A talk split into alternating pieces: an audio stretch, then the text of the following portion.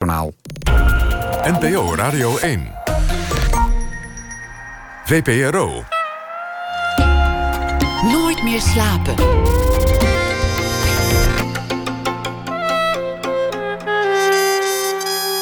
Met Pieter van der Wielen. Goedenacht en welkom bij Nooit meer slapen. Straks na 1 uur krijgt u een verhaal van Don Duins... die deze week elke nacht de voorbije dag samenvat. De beste films van 2017 behandelen we deze week. Vannacht is dat American Honey, bekeken door muzikant Jurre de Haan. En zou je van het programma De Vloer op geïmproviseerde scènes door topacteurs een hele kerstfilm kunnen maken? Dat is het experiment en de regisseur Peter de Baan die uh, probeerde dat. Samen met een prachtige cast, Gijs Scholten van Aschat en Nasreddin Jar en vele anderen. En de regisseur zometeen te gast na één uur. Komend uur Ellen ten Damme. Paris, Berlin is de, show waarmee ze nog eh, te zien is tussen kerst en oud en nieuw in het uh, Nieuwe de la Mar Theater in Amsterdam. Een theatrale revue waarbij zij zingt Frans en Duits repertoire van Marlene Dietrich tot Edith Piaf en van Stromae tot Nena. Weinig mensen in Nederland die zich zichtbaar zo thuis voelen op het podium, die zo makkelijk heen en weer kunnen slingeren tussen genres en sferen. En dan is ze ook nog actrice begin van haar carrière was ze ooit in een uh, serie Pleidooi. Maar ze heeft heel veel andere dingen gedaan. En ze heeft ook nog wel eens een klein uitstapje richting het circus gedaan. Ze kan volgens mij nog steeds de flikvlak. En dat is best knap als je net 50 bent geworden. Ellen ten Damme werd geboren in Warnsveld in 1967. Hartelijk welkom. Dat is juist. Ja. Dankjewel.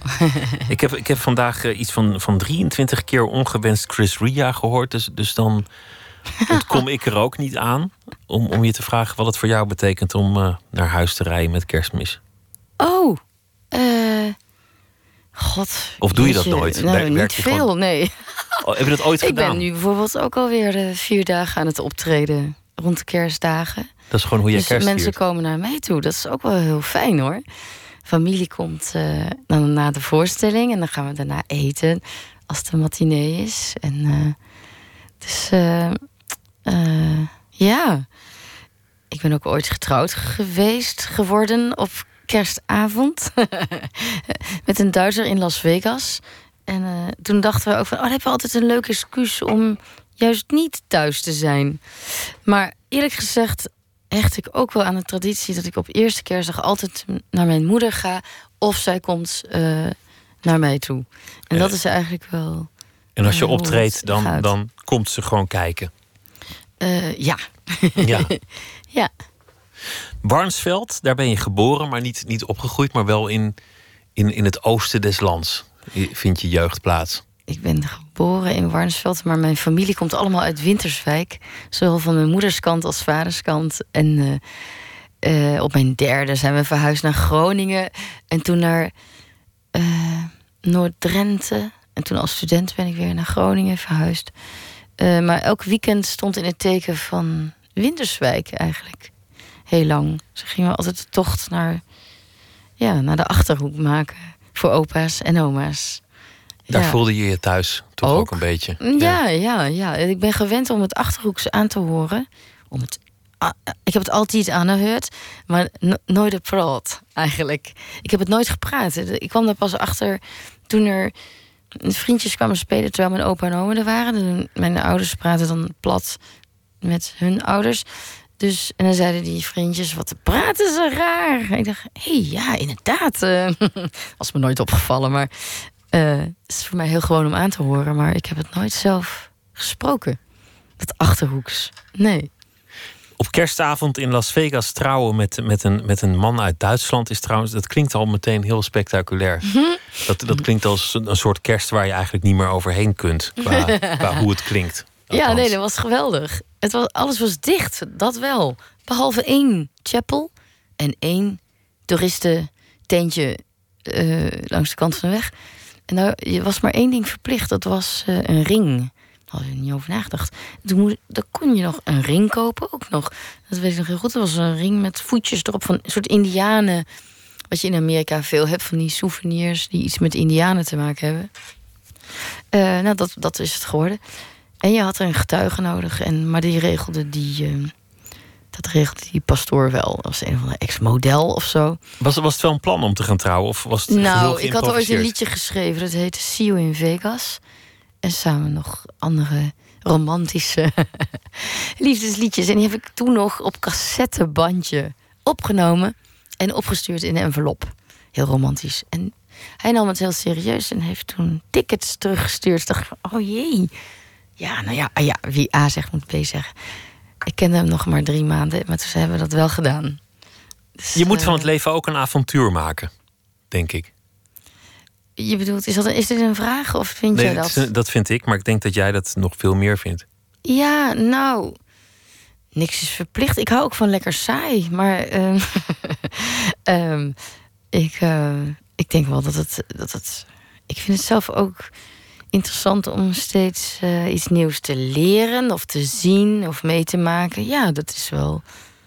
En dat is dan meteen avontuurlijk, omdat je dingen doet die je nog nooit eerder hebt gedaan of gezien. Of Het gehoord. onbekende in te gaan. Ja, dat is toch wel heel leuk. Hm.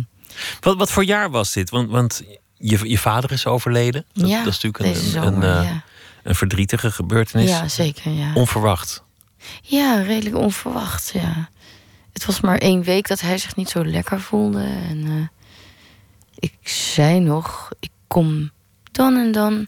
Laten we samen naar de dokter gaan. Ik zou de dag daarna met hem naar de cardioloog gaan. En eh, ja, hij is overleden aan een hartaanval. eh, dag ervoor. Dus het was een beetje jammer. Maar hij is toch best oud geworden. eh, 83. En eh, eh, eigenlijk een perfecte situatie. Hij is op zijn eigen bed gevallen. En ja, ehm, het klinkt op zich vrij fijn. Dus niet een heel erg ehm, eh, lijdensweg of dat soort dingen was het allemaal niet. En het was een zeer actieve man. Dus daarom was het plotseling, omdat hij altijd zo. hmm, hij gaf nog damles en hij, hij voetbalde tot hoge leeftijd. Hij tenniste elke dag. En zeer actief en helder van geest. En eh, eh, las veel boeken. En eh, studeerde nog Latijn en Hongaars. Of even allemaal rare dingen. Dus hij, ja. ehm, maar ik denk dat het voor hem heel mooi is eigenlijk achteraf. Omdat hij zou het niet fijn vinden. Dat, dat, eh, hij vond het wel erg als hij een damwedstrijd verloor, zeg maar. Dus om dan langzaam van het leven te verliezen en dan, dan langzaam af te takelen, dat, dat was voor hem niks voor geweest hem zijn. denk ik. Nee. Jij werd Nee, 50 ook nog dit jaar. Dat, dat is ook al een moment dat mensen gaan nadenken over van alles. En, Nou, meer het rond je veertigste, toch? ja, en je dertigste en je zestigste en al die ronde getallen. Was dat bij jou aan de hand? nou, nee, niet per se. Ik ben altijd maar blij dat ik dat weer gehaald heb, hoor. Zo zie je dat. Ja, ik vind dat eh, te gek. Want je bent toch je hele leven bezig om eh, oud te worden. En dan word je dat. Ja, eh, zo gaat dat. Wat wil je anders? Nou ja, Jonger ik, wordt niemand. ik heb, ik heb ook Hmm. heel lang nagedacht op mijn verjaardag van shit, is een strippenkaart. En, voor wie nog weet wat een strippenkaart is. En, en er is weer een stempeltje weg, weer een vakje eraf. Oh ja. Zo kan je het ook zien. Ja, het, eh, ja. ja, je denkt wel, oh, het, ei- ja. Normaal gesproken, hoe ouder, hoe, hoe dichter bij het einde. Ehm, maar ja, ik, ik heb zoiets van dingen die niet te veranderen zijn. En zou je eigenlijk niet te veel druk over moeten maken. Ehm, Omdat het toch geen zin heeft. nee. Maar lukt is dat natuurlijk ook? makkelijker gezegd, hè? Ja, dat is, Ja. dat is- als, als gedachte is dat fantastisch. Maar in, Ja. in de praktijk is dat nog best ingewikkeld om je daaraan te houden. Ja. Maar ja, zolang je je fit, fit voelt en nog van alles kan doen... eh, heb ik nog steeds een beetje het gevoel dat ik het leven leid van een student of zo. Eigenlijk eerlijk gezegd. Eh, mensen vinden mij ook wel eens kinderachtig. Maar ik vind het prima. Ik zou zeggen jeugdig, dat klinkt een stuk minder, minder negatief. Negatief, ja. Ja. Ja. Vor- Vorig jaar kwam, kwam je ziekte terug, want je, hebt een jaar of tien geleden heb je borstkanker gehad. En dat kwam ineens terug, daar ben je toen voor behandeld. Mm, ja, iets van 13 jaar geleden of zo. 2005 was dat. En, en eind Ja. vorig jaar bleek het er ineens weer te zijn. Ja, maar goed. Ja. Ehm, Nou, dat, dat, als het niet geval hopeloos is, dan ben je al snel heel blij hoor. dan, dan, dan, eh, onderga je die behandeling en, en weer verder. Ja, ik stond een dag later alweer op de planken en niemand heeft iets gemerkt. Van, eh, ja, je krijgt dan een operatie. Of een, eh, ja, er wordt, wordt dan weggehaald wat ze weg willen hebben. En dan kijken ze naar of dat allemaal gelukt is. En dan krijg je een soort eh, profilactisch, wat is het Nederlandse woord? Um, Medicijn. Nee, ik, ik, ik kreeg uh, deze keer uh, bestraling, zes oh, ja. weken. En dat was het eigenlijk. En ja, ik heb van alles. Ik heb daar helemaal niks, geen hinder van ondervonden of wat dan ook. Dus dan ben je al lang heel blij dat dat, dat, dat op deze manier is gegaan en, uh, en klaar. Ja. Maar was het, was het niet een, een schok voor je van shit, het is weer terug?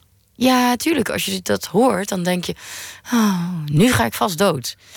Um, dus dan ben je even in de onzekerheid. Maar die onzekerheid verdwijnt als, als men komt met het behandelplan. En dan uh, denk je, oh fijn, er is nog wat aan te doen. Nou, kom maar op, kom maar door. En uh, dan ga je dat doen. En uh, dan, dan treedt onmiddellijk een heel ander fenomeen in werking. Eerst ben je een soort van bang en dat het, dat het weet ik veel, dat het, nou ja, dat je laatste uur geslagen heeft. En daarna is dat dus niet zo. Dan denk je, oh, nou, dan haal ik de volgende kerst nog wel. en dan ben je meteen weer heel dankbaar voor alles. Je krijgt juist, dat snappen mensen volgens mij heel vaak niet, maar je wordt er juist heel blij van. Je wordt heel dankbaar en uh, voor, voor alles in het leven. Wat er nog wel is, wat, wat er wel je is, vindt wat je alles kunt. hartstikke leuk en mooi en dat wil je dan, uh, ja, dat, dat je denkt, oh, ik wil door. En nou, super. Ja. Juist een soort euforische levenslust komt er. Komt er Eigenlijk, ja. ja. Ja, ik, ja ik zag, bij mij.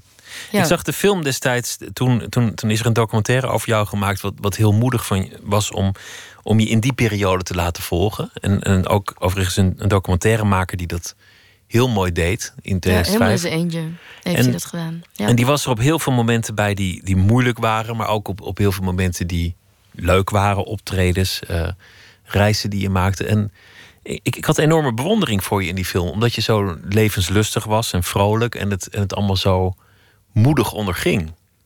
Dat, ja, dat viel echt op. Nou ja, dat is eigenlijk hetzelfde verhaal. Omdat uh, dat, uh, toen kreeg ik nog wel iets meer behandelingen. En ook twee operaties. Maar ja, uh, je ziet er vrijwel niks van. En ook toen, dat wou ik juist vertellen. Omdat in de media wordt altijd dat, dat drama-verhalen uitvergroot. En ik vond het gevaarlijk, omdat omdat je merkt dat mensen behandelingen niet doen, omdat ze zo bang gemaakt worden ervoor. Dat alsof iedereen voor pampus ligt. Dat ligt helemaal aan wat je krijgt. En de meeste mensen hebben dat niet. En dat wordt nooit uh, vaak verteld. Waardoor je de, inderdaad de situatie krijgt dat mensen zo bang zijn, doen ze die behandeling niet. Ja, en dan ga je misschien wel dood. Dat is heel gevaarlijk. Dus ik dacht, ik moet iets doen. Ik kan ook laten zien dat het anders kan en gaat en mensen moed geeft. Want en daarom heb ik dat uh, toch doorgezet. Uh, dat uh, gefilmd. Want ik vond het op zich eigenlijk vreselijk. Om iemand de hele dag bij je te hebben met een camera. Ja, ja. natuurlijk. Ja. Zeker, op, zeker in zo'n periode. Dat lijkt me best ja. ingewikkeld. Dan, dan zat je op een zeker ogenblik bij de dokter. En dan gewoon behandelingen te plannen tussen optredens door.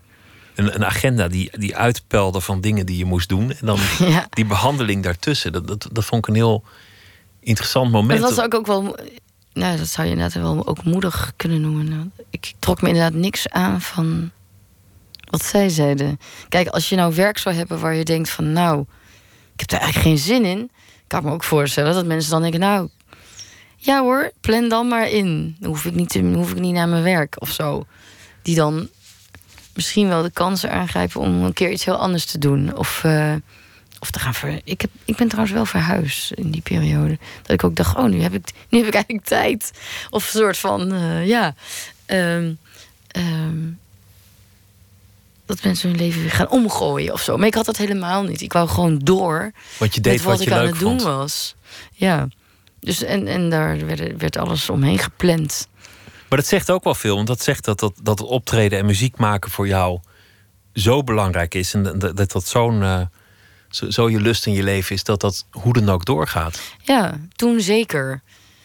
Nu denk je ook wel eens van, oh, uh, moet ik niet met pensioen? Of uh, ik wil wel een keer wat anders. Ik heb ook een huis in uh, Frankrijk gekocht. Om die reden dat ik dacht, oh, ik, ik wil weer iets meer in de natuur. Of een beetje rommelen in een tuin. En bessen plukken en dat soort dingen. Een taart bakken met appels uit de tuin. Ja. lekker bejaard. Dat leek me heerlijk. Is, die, is die ziekte nu, is, is het goed gegaan? Is het, uh, is het weer weg? Zijn de dokters blij? Zeker, ja. Ze zijn, eh, ze zijn helemaal blij. Ja. ja. Wat wat je zei, hè, van, van, er komt eigenlijk ook naast, naast natuurlijk de schrik en het slechte nieuws, komt er ook een soort levenslust. Dat je juist eigenlijk heel veel waarde gaat hechten aan alles dat je, dat je hebt en wat goed gaat in je leven en waar je van houdt. Is, is Ja. dat, dat is eigenlijk een soort doodsbesef, of niet? Zeker, door dit soort eh, mededelingen. Het besef van eindigheid heb je wel. Misschien zelfs als kind al. En het is ook een soort instinct natuurlijk. Dat je altijd wil overleven. Eh, Mensen, mensen als diersoort wil, wil dat. In, in principe, intuïtief. Maar het echte besef komt pas als inderdaad op dat soort momenten. Als zo'n arts in een witte jas zegt... eh, eh, mevrouw, we hebben dit en dat gevonden. U heeft dit en dit. En denk je, jeetje, ja. Hmm, dat kan dus echt zomaar. Weet je wel?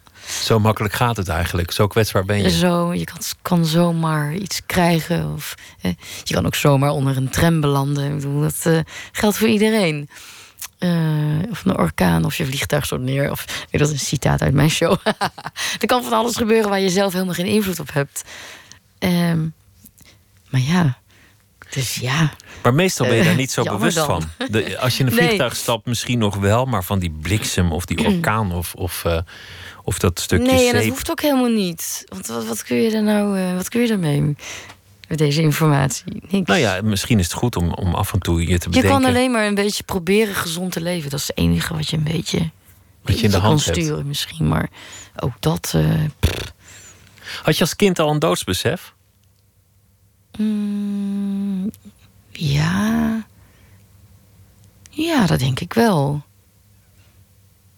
Ja, ik denk dat ik eh, vrij snel door had van... eh, dat je niet alles moet uitstellen of zo.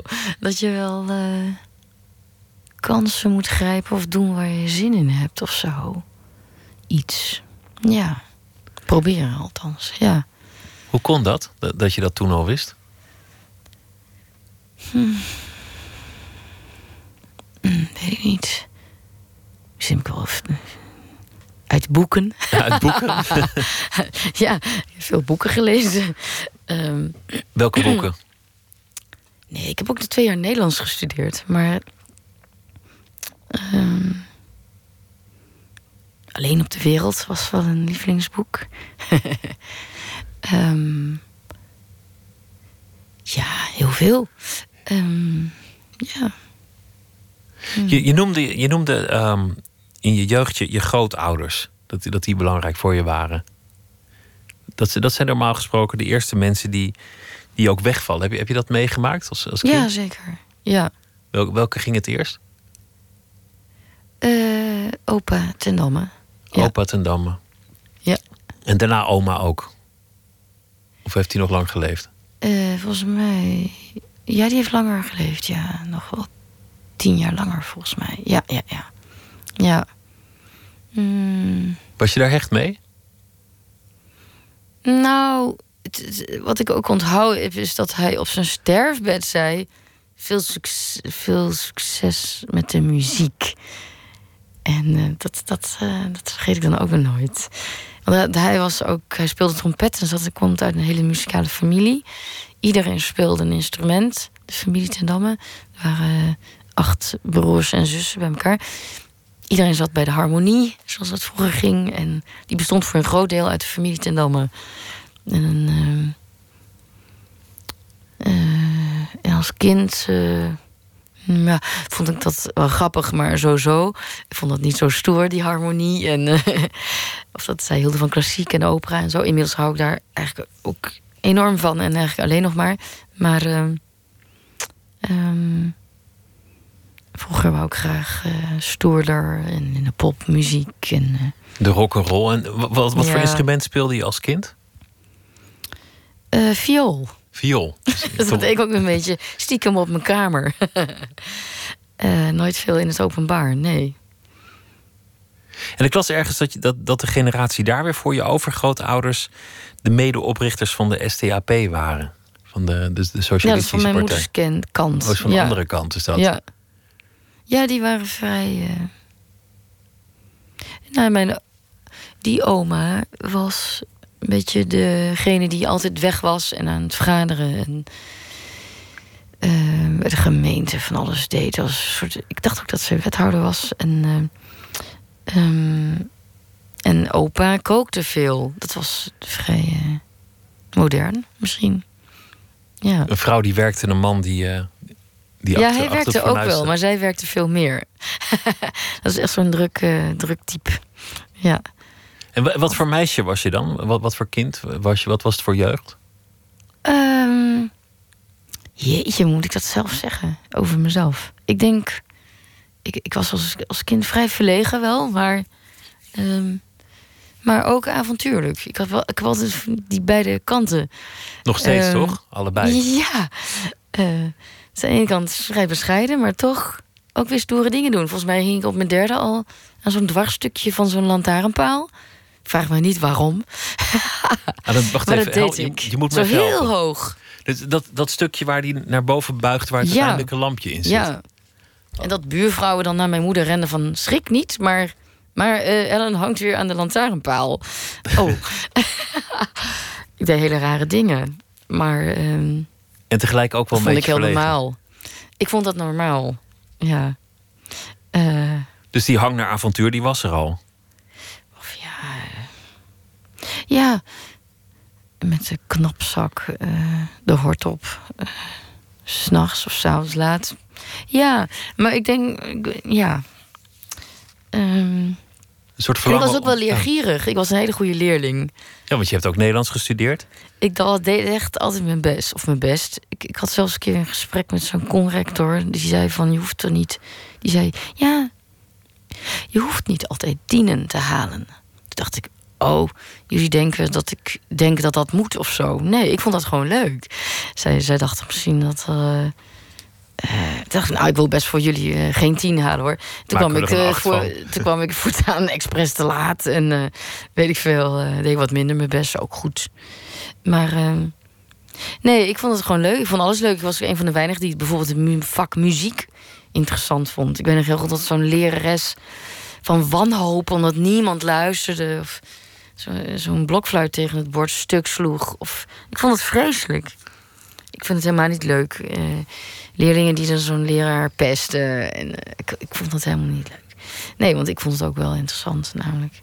Maar had je, had je toen al het gevoel van ik wil, ik wil de grote wereld in? Dat, dat, in die zin het avontuur. Want je zei de wereld in met een knapzak. Dat vind ik een mooi beeld.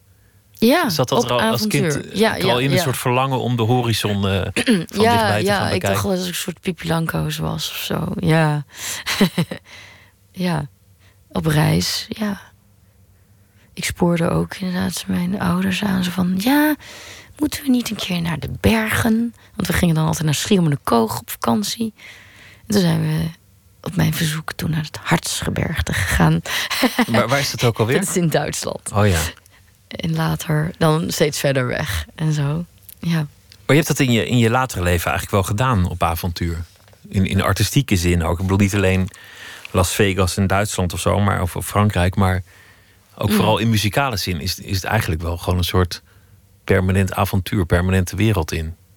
Ja, nou, muziek is wel de constante factor. Je kan ook zeggen dat ik eigenlijk maar één ding heb gedaan. Maar dat is altijd iets met muziek eigenlijk. Maar muziek is zo maar veelzijdig het- en ik ben daarbinnen. eigenlijk klassiek opgeleid als kind. Daarna is dat, heb ik ook nog folkachtige lessen gedaan op viool. En daarna ben ik gaan zingen in een band op de lagere school al.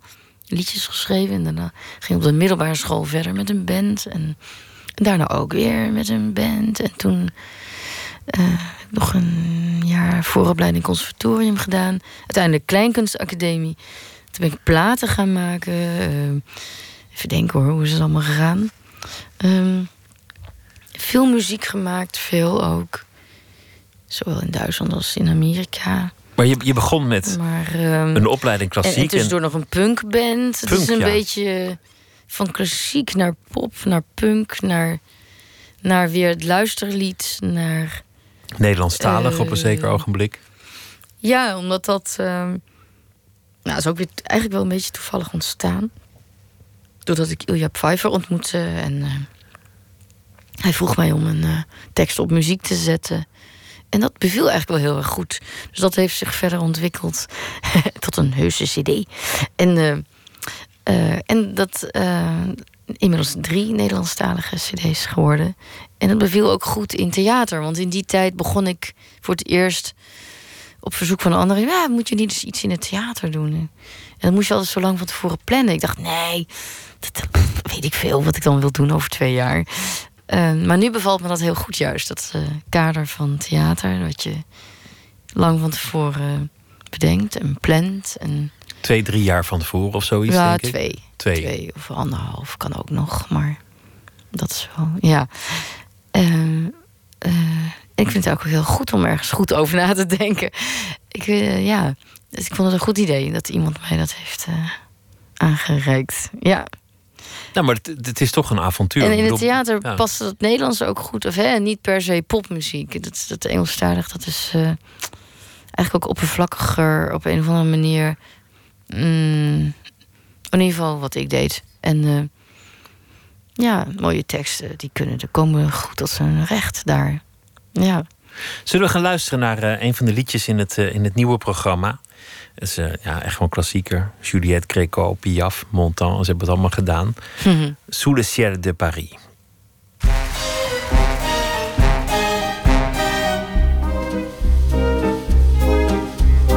Sous le ciel de Paris s'envole une chanson. Mm -hmm. Elle est née d'aujourd'hui dans le cœur d'un garçon. Sous le ciel de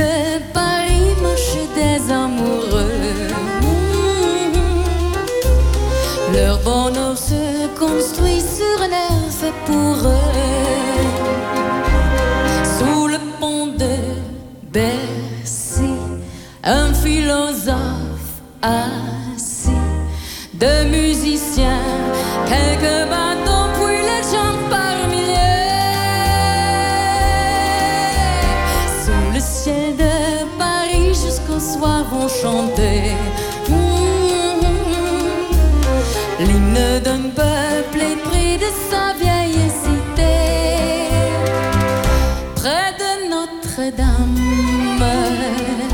parfois couve un drame. Oui, mais à Paname, tout peut s'arranger. Quelques rayons du ciel d'été, l'accordéon d'un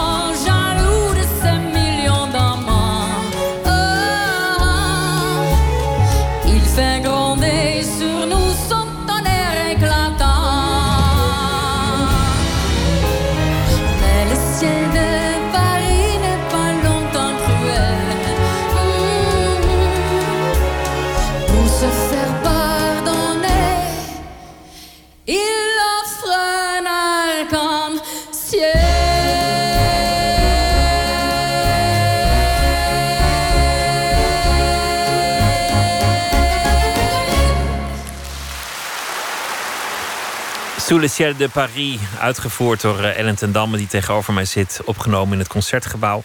Ik zei dat je dit ook zingt in je programma, maar nou net dit. Die nou net niet. Nee, heel veel andere liedjes wel. Ik, ik ben eh, een tijdje terug gaan luisteren in. eh, waar was het eigenlijk? Bussum of zoiets. Of, eh, ja, dat kan. Naarden, Blaricum. nou ja, hier ergens in de buurt. Je was, Ja. je was heel verkouden die dag. Ja. Ja, dat weet ik nog heel goed. Je, je had het, je had het volgens mij zwaar, maar, maar het klinkt mooi als je stem een beetje hees wordt als je het moeilijk hebt.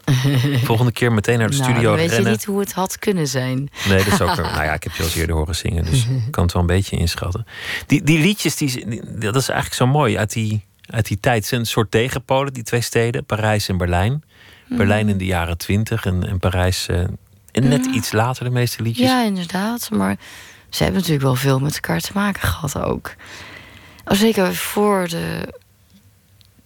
Ja, voor de, voor de Tweede Wereldoorlog zijn heel veel kunstenaars uit Berlijn eerst naar Parijs gegaan. Als, en daarna uiteindelijk naar Amerika eigenlijk. Ja, Om, eh, gevlucht voor nazi's. Eh, maar in die tijd was. Nou ja, rond de eeuwwisseling was natuurlijk Parijs een soort voorbeeldstad voor heel veel steden. Voor Moskou en voor maar ne- ook voor rond Berlijn. 1900. Ja. Ja. Ja. Mm, En Berlijn in de jaren twintig, dat, dat, dat spreekt heel erg tot de verbeelding. Een stad waar. Er wordt altijd gezegd als een soort cliché: dansen op de rand van de vulkaan. Alsof die Ja. mensen wisten dat, wat er zou komen. Dat, dat wisten ze waarschijnlijk niet. nee, waarschijnlijk niet. Maar een heel extravagante stad, een vrije stad, een artistieke stad. Waar heel veel ja, gebeurde, heel veel heel talent zat. Ja. Het klinkt fantastisch. Ja. En dan tien jaar later zag alles er helemaal anders uit. ja, nogal ja. Dat eh, is niet een. eh, verdient geen schoonheidsprijs. Wa- waarom spreekt dit, eh. Ja. dit repertoire jou zo aan? Wat, wat, wanneer hoorde je het voor het eerst en wanneer dacht je: dit is eigenlijk iets dat ik heel graag zou willen doen? Mm, ja, ik had op de. Nou, mijn vader hield al eh, veel van dit soort dingen, eerlijk gezegd. Uh, Hildegard Kneef. En, eh, ja, die hield wel van Duitsstalig, moet ik zeggen. En dat eh, Franstalig vond ik altijd wel mooi. Maar dat heb ik altijd een beetje zijdelings meegekregen, eerlijk gezegd.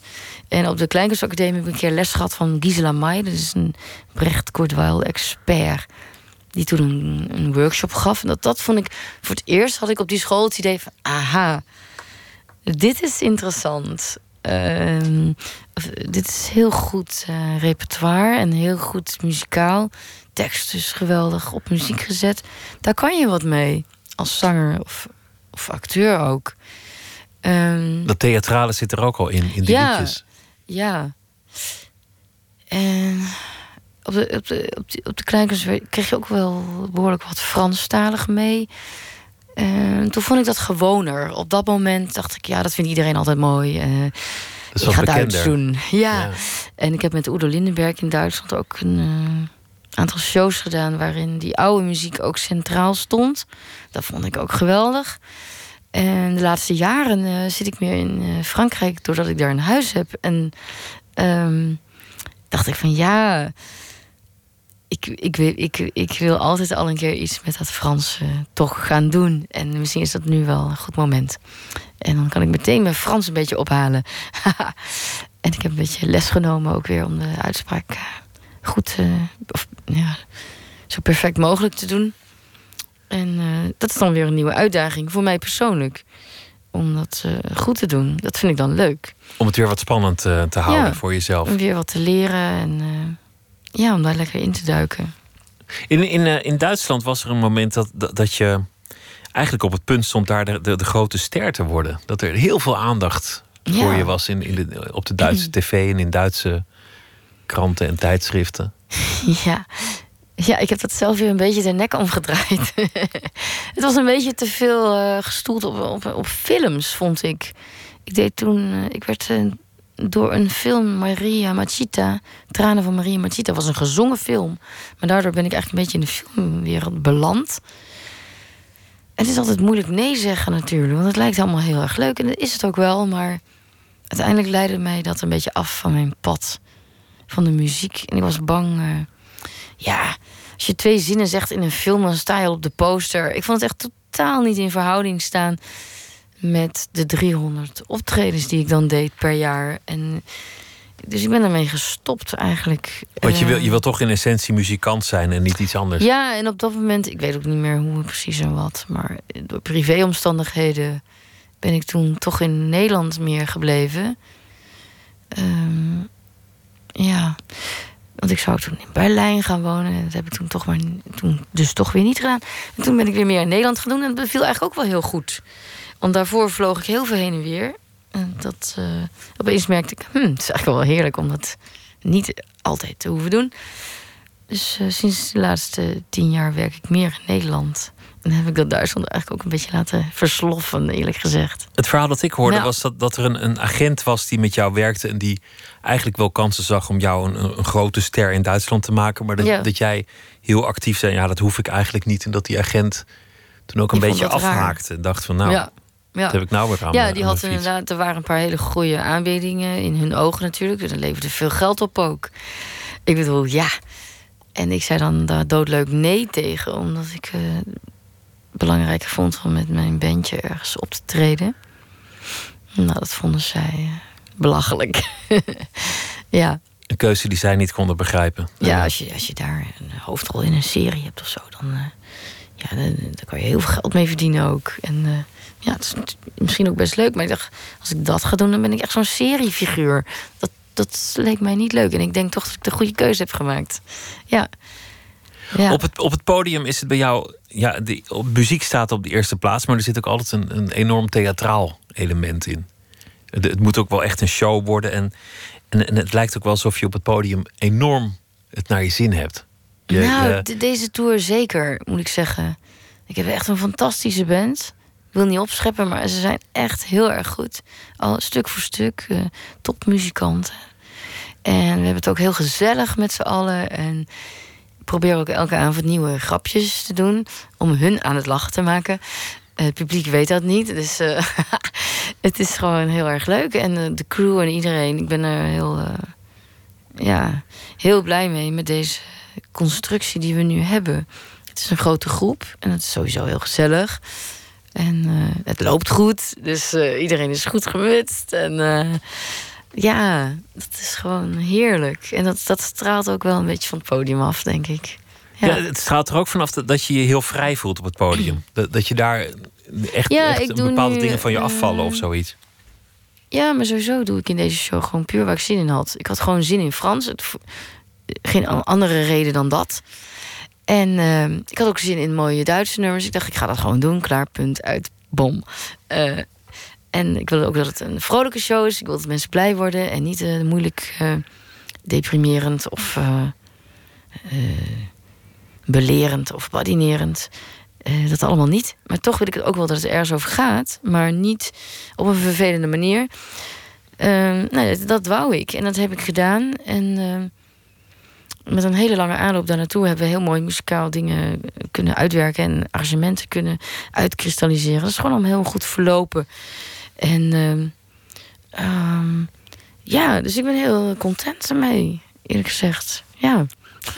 Die, die sfeer van Berlijn in de jaren twintig en, van Parijs, die, dat, dat, past volgens mij ook al bij, omdat het dat element heeft waar, waar je eerder over sprak. Dat, ja, dat laten we feesten alsof het de laatste dag is. Alsof er ergens al dat gevoel was dat het de laatste dag zou zijn.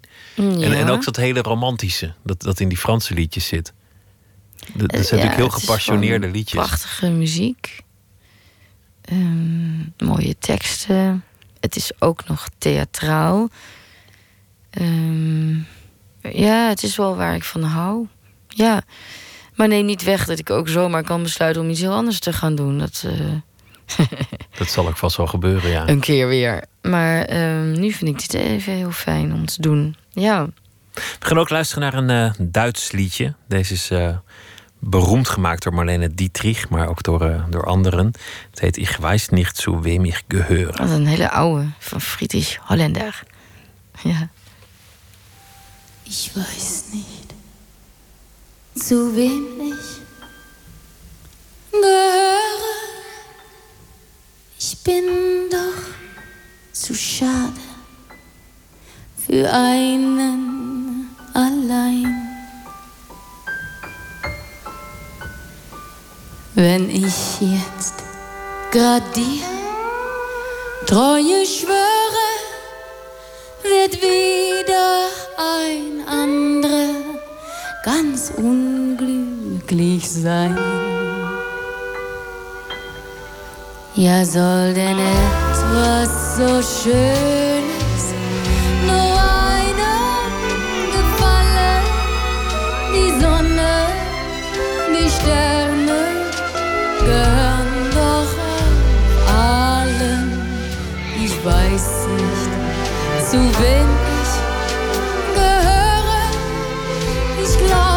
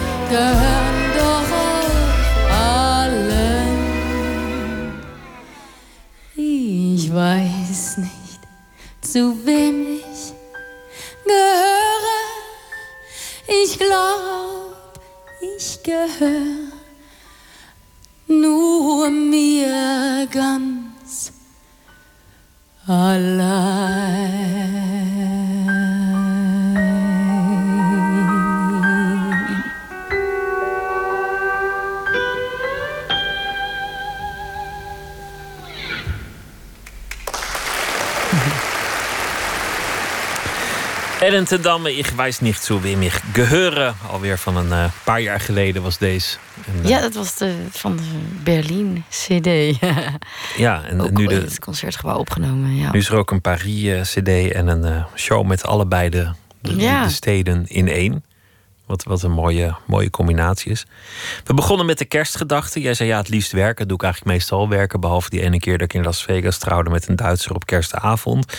We moesten even een ring ergens vandaan halen. En toen hebben we het gehad over je jeugd in eh, Winterswijk en omstreken. Waar je verlegen was en tegelijk ook een avontuurlijk kind die ineens boven in de lantaarnpaal kon hangen.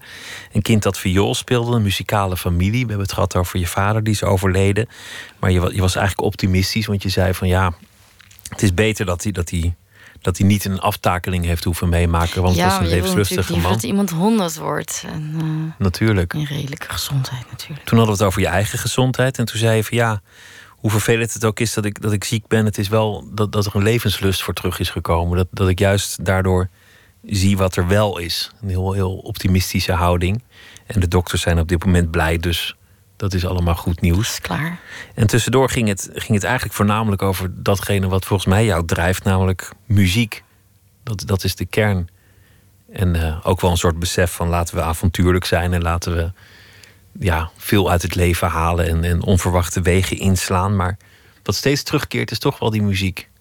Dat, dat, is, dat valt me wel op. Dat je, dat je ook. Je werkt volgens mij ook best wel hard. Ja, ik heb veel gewerkt, ja. Ja, ja maar het is, het is fijn om mooie dingen te maken. En andere mensen blij te maken. Ik dacht, dat is wel een fantastische manier van leven eigenlijk. Of een lifestyle, zo'n tournee. En dan elke avond zijn de mensen blij. En eh, ja, dat is toch wel heel erg leuk. Nooit gaan vervelen. Nooit, nooit een seconde dat je dacht. Tot nu toe niet. Nee. nee, ja, ik denk wel eens van, oh ja, eh, ik, moet niet, ik moet zorgen dat het niet te druk is, natuurlijk. Dat, eh, Voor jezelf. ja, want dat is zeker niet leuk. Ehm, maar ik, ik, ik kan nu inderdaad beter nee zeggen. oh, Hè, of dat je niet alles vol plant. En eh, ehm, dat je ook af en toe vrije tijd hebt. Ja, dat is ook, ook lekker natuurlijk. En beetje op reis en een beetje andere mensen zien. Dingen Hoe is, doen. dat, hoe is dat nu je, nu je 50 bent? Stel dat je dan hierna nog 50 jaar krijgt. Hoe, hoe zie je dat dan voor je? Er, nou, ongeveer hetzelfde. Ja, nog meer gewoon spelen. Je kan eh, in de muziek natuurlijk heel veel eh, doen. Je kan elke keer een nieuw, eh, nieuwe soort of gebied of zang kunst eh, proberen aan te boren. Eh, dus dat is eindeloos, denk ik. Dat je daar eh, eindeloos in kan variëren. Daar is zoveel in te verkennen, In dat, dat zal nooit vervelen. Ja, en je kan ook eh, op een podium enorm veel variëren in de aanpak. Je kan alleen, je kan met een grote groep, met een orkest of eh, ja, van alles. Eh, dus dat is, eh, dat, ik denk dat dat altijd wel doorgaat. Want ik heb er wel eens over nagedacht natuurlijk. Moet ik niet boerin worden of toch, eh, ja, schrijver of noem het maar. Wat kan je allemaal worden? Zoveel. Kan alles worden, ja. Maar eh, nee, ik denk toch wel dat dit het is voor mij. En dan afgewisseld met lekker, eh, nou ja, in Frankrijk zitten of ja, op reis gaan. En wat doe je dan daar als je daar in Frankrijk zit? luiken schilderen, eh Een heel, knutselen. heel Ja. rustige dingen Ook eigenlijk. koken. Ik, met zo'n tournee, ik kook nooit, want ik, ben altijd rond etenstijd onderweg. Dus eh, gewone dingen. De was ophangen terwijl ik naar uitkijk over het dal. Heerlijk. Dan is het leuk. ja. Als ik dat elke dag ga doen, vind ik het op een gegeven moment ook weer eh, minder boeiend. Maar nu vind ik dat soort eh, gewone dingen doen daar heel, heel erg fijn. Kan je ook hier doen natuurlijk. Maar ja, ach, ja. Wie, zijn er allemaal in je leven? Want dat, dat is natuurlijk het, het risico van een leven dat je altijd op reis bent. Dat je, dat je eigenlijk ook alleen maar mensen om je heen verzamelt die dat ook doen. Of die, die je Mhm. van je werk kent of die iets met, met muziek te maken hebben. Nee, ik ken nog steeds eh, mensen waar ik mee omga, die ken ik al lang. Ja. Er komen zelden nieuwe mensen bij. Want anders heb ik geen tijd voor die oude mensen. Ja, zeg maar. Dus je bent heel trouw. Ja. Ja. Ja. Ook altijd lange, lange liefdes, lange relaties. Nou ja, lang. Ehm, Ja, dat hangt ook van de definitie af. wat is het lang? Ja, 35 Wie is- jaar is lang, maar Ja, dat vind ik wel lang. Nee, mijn langste relatie was denk ik eh, bijna tien jaar. dat is toch een lange relatie. Ja, als ik een relatie heb, dan duurt die wel altijd. Ik geef het niet snel op ook. Of ik bedoel, eh, dat niet, nee. Maar. Hmm, het is wel een beetje. Er zijn wel wat jonge mensen bijgekomen. Omdat. Ik heb geen echt nor, zeg maar, gezinsleven of zo. Dat, dat hele normale. dat heb ik niet. Dus op een gegeven moment merkte ik wel van... oh, eh, ja, vriendinnen die dan kinderen kregen... die hadden een ander soort leven. En er zijn nu ook weer vriendinnen die dan... waarvan de kinderen alweer de deur uit zijn. Die zie ik dan nu ook weer veel. Die komen weer terug. Die komen weer terug, want die hebben nu weer tijd. ja. Of eh, die hebben nu ook weer tijd voor s'avonds laat. Want eh, ja, ehm, een gezinsleven heeft gewoon een andere structuur. Of andere tijdstippen. In ieder geval gedurende een fase, Eh, ja. Ja. Dus op een gegeven moment zijn er wat jongere vriendinnen bijgekomen, inderdaad. En, en sommige oude zijn weer meer in beeld daardoor. Hmm. Ja. Je werkte ooit met een regisseur die zei: je, je, je hoeft eigenlijk geen dubbele flikvlak te doen om charismatisch te zijn. Nee, natuurlijk niet. En nee, maar ik, ik, ik snapte wat hij bedoelde, omdat dat, ik heb je wel zien optreden dat je, dat je fantastisch hoor, maar heel druk was op het podium en alle kanten op ging. Maar in deze shows waren er een paar liedjes waar- waarbij je heel verstild was. En dat, dat werkte goed om- omdat je dan nog steeds charismatisch bent. Nee, dat, charismatisch ben je of niet. Dat heeft niks met. eh, Te maken met wat je doet. Nee, maar ik snap wel wat, wat je bedoelt. Eh, ik doe ook wel heus wel eens optredens waarbij ik helemaal niet beweeg. Of alleen maar alleen achter een vleugel zit. Of stilsta. Dat, dat kan. Dat is eigenlijk heel erg mooi. Maar eh, voor mezelf, ik krijg heel veel energie op een podium. Vind ik het, vind ik het ook leuk om ja, te bewegen, te Om dansen. er iets mee te doen met die energie. Ja, nu het nog kan. Ik denk van ja, ik word vanzelf wel zo, eh, hoop ik, oud dat ik alleen nog maar op een kruk kan zitten. Of eh, dat ik stil kan staan. Dat doe ik dan wel. Nu nog niet. nou ja, af en toe, maar niet. eh, ik vind het nu ook leuk ja, om er nog gebruik van te maken. Een paar shows geleden hing je, hing je letterlijk in een kroonluchter op het podium. Mhm. Dat vond ik Ja. een prachtig beeld. Een soort, een soort, ja, het is een soort uitdrukking in de kroonluchter hangen. Of ik weet niet Ja, of en dan ook is, letterlijk doen. Ja, dat kan allemaal, ja. alles is, eh, alles is mogelijk. Ja. Ehm, Nee, ik zie het op zich wel eh, helemaal zitten hoor. Eh, ik denk dat ik. eh, als je ouder bent, ja, dan ben je waarschijnlijk op je best. Omdat je dan toch. Hoe suf dat ook klinkt. door levenswijsheid en ervaringen. dingen mooier kan brengen. Maar dan moet je wel zo fit zijn dat je stem ook nog goed is. En eh, je stem moet goed zijn. Voor de rest doet het er niet toe, inderdaad. Of je nou eh, aan een kroonluchter hangt of gewoon eh, stilstaat met een glas water naast je. Dat, Dat doet er eigenlijk niet zoveel toe. nee, dat maakt niet uit. Het is maar waar je zin in hebt. Maar ik heb je stem nu gehoord met, met een hees randje vanwege verkoudheid. Dat, dat, dat voegt nog wel iets toe. Dat, is, dat, Nou, dat kan is ook nog helemaal wel. hoop voor mij. Dus, dus, dus hartstikke veel hoop voor jou. Dus je, eigenlijk, eigenlijk is het gewoon, eh, weet je wat je wil in, in het bestaan en is dit waar het over gaat. Ja, het klinkt allemaal heel. Ben het zo mooi om waar te zijn. Maar zo is het natuurlijk ook weer niet helemaal. Want het eh, artiesten bestaan heeft, eh, gaat gepaard met heel veel twijfel. Er zijn zoveel beslissingen die je steeds maar moet nemen. Ik ben daar niet zo goed in, eigenlijk.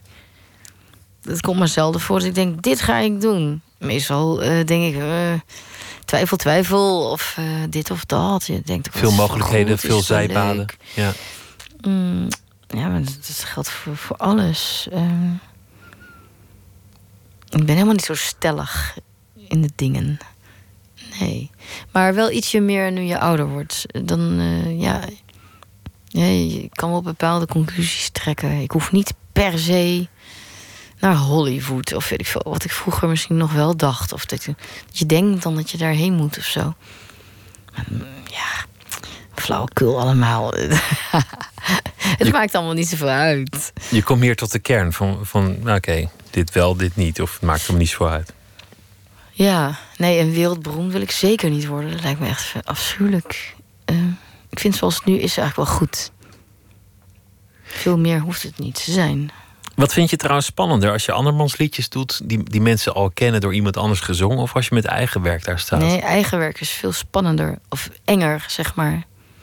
Want het heeft zich nog niet bewezen. Het is nieuw. Niemand zit erop te wachten. Dat is ook zo frustrerend als kunstenaar. Als je iets maakt, Niemand zegt, wanneer ga je het nou eens Niemand maken? eh, zegt, eh, goh, eh, schrijven ze een nieuw lied of zo. Kan, dan kan niemand ene reet schelen natuurlijk.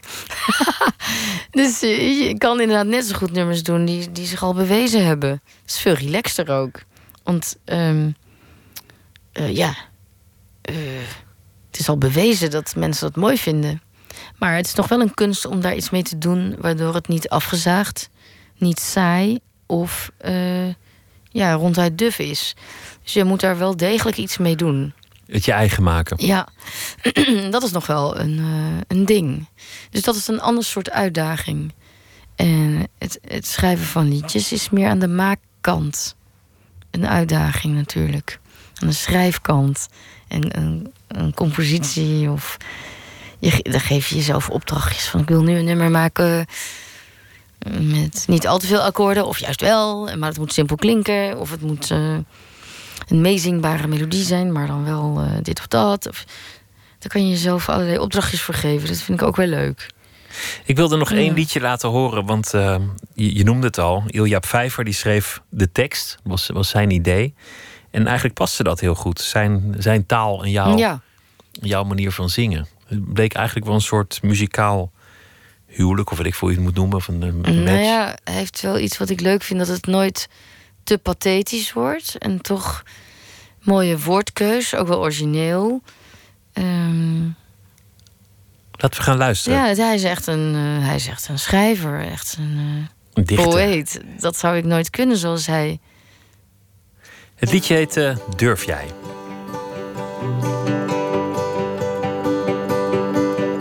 Als ik de dorst drink van het wachten en de tijd slik die je morst. Als ik de lange lege nachten leer begraven in mijn borst. Als ik de honger leer verbijten van jouw veel te verre mond. Als ik de dagen stil zal slijten die door zwijgen zijn verstomd.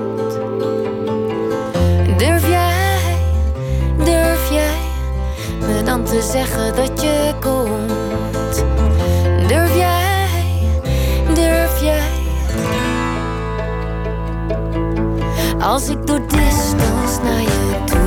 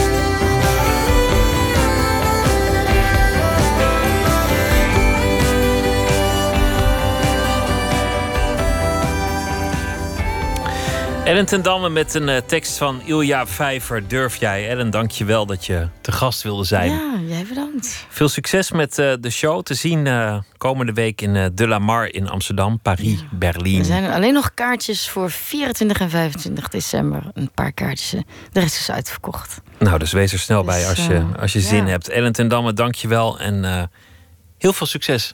Dank je wel. alles. Merci beaucoup. Zometeen gaan we verder met eh, Nooit meer slapen. Twitter, VPRO NMS. En we zitten op Facebook. En u kunt zich abonneren op onze podcast via de website van de VPRO. VPRO.nl slash Nooit meer slapen.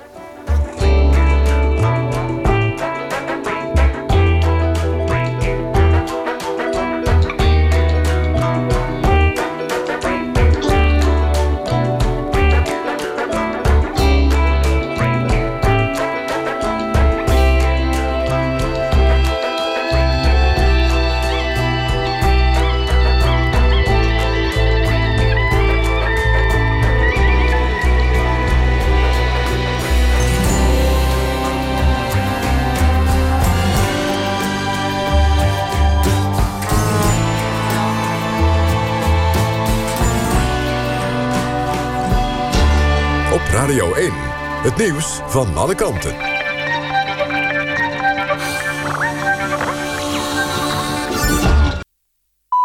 1 uur, Michel Koenen met het NOS-journaal. Partijen die voor onafhankelijkheid van Catalonië zijn... houden een meerderheid in het Catalaanse parlement. Dat blijkt na het tellen van bijna alle stemmen. De separatistische partijen hebben de overwinning opgeëist. De afgezette regio-president Puigdemont zei in Brussel... dat de Catalaanse Republiek heeft gewonnen. En de pro-onafhankelijkheidspartijen kunnen rekenen op 70 van de 135 zetels in het regioparlement. Twee minder dan na de vorige verkiezingen. En de Spaanse premier Rajoy had juist gehoopt dat de verkiezingen in het voordeel zouden uitvallen van Madrid. De politie mag voorlopig geen stroomstootwapens gebruiken in de geestelijke gezondheidszorg. Dat wil een meerderheid van de Tweede Kamer. Aanleiding is een incident in juli. Toen gebruikte een agent tot drie keer toe een taser bij een agressieve patiënt in een inrichting in Capelle aan den IJssel. En dit jaar mogen drie politie-eenheden zo'n stroomstootwapen gebruiken. Maar onder meer GroenLinks vindt dat de psychiatrie een veilige en beschermende omgeving moet zijn. Mede dankzij subsidie uit Nederland heeft Tunesië een radiostation dat zich richt op de LHBT-gemeenschap. De zender is een primeur in de Arabische wereld. Het radiostation is gestart door een homorechtenorganisatie en zendt uit via internet. Hoeveel- het ministerie van Buitenlandse Zaken heeft gegeven is niet bekend. En Feyenoord heeft zich als laatste club geplaatst voor de kwartfinales van de KNVB-beker. In de Kuip werd Heracles met 3-1 verslagen. Rode JC won eerder op de avond met 0-1 van VVSB. En bij de loting voor de kwartfinales werd Feyenoord gekoppeld aan PSV. Verder speelt AZ tegen PEC Zwolle, Willem II moet tegen Rode JC... en FC Twente neemt het op tegen Cambuur Leeuwarden. Het weer nog bewolkt met op veel plekken dichte mist. Het koelt af naar minimaal 3 graden. Overdag ook bewolkt en op veel plekken mistig met kans op regen. Het wordt tussen de 6 en 10 graden. Dit was het NOS Journaal. NPO Radio 1. VPRO. Meer slapen.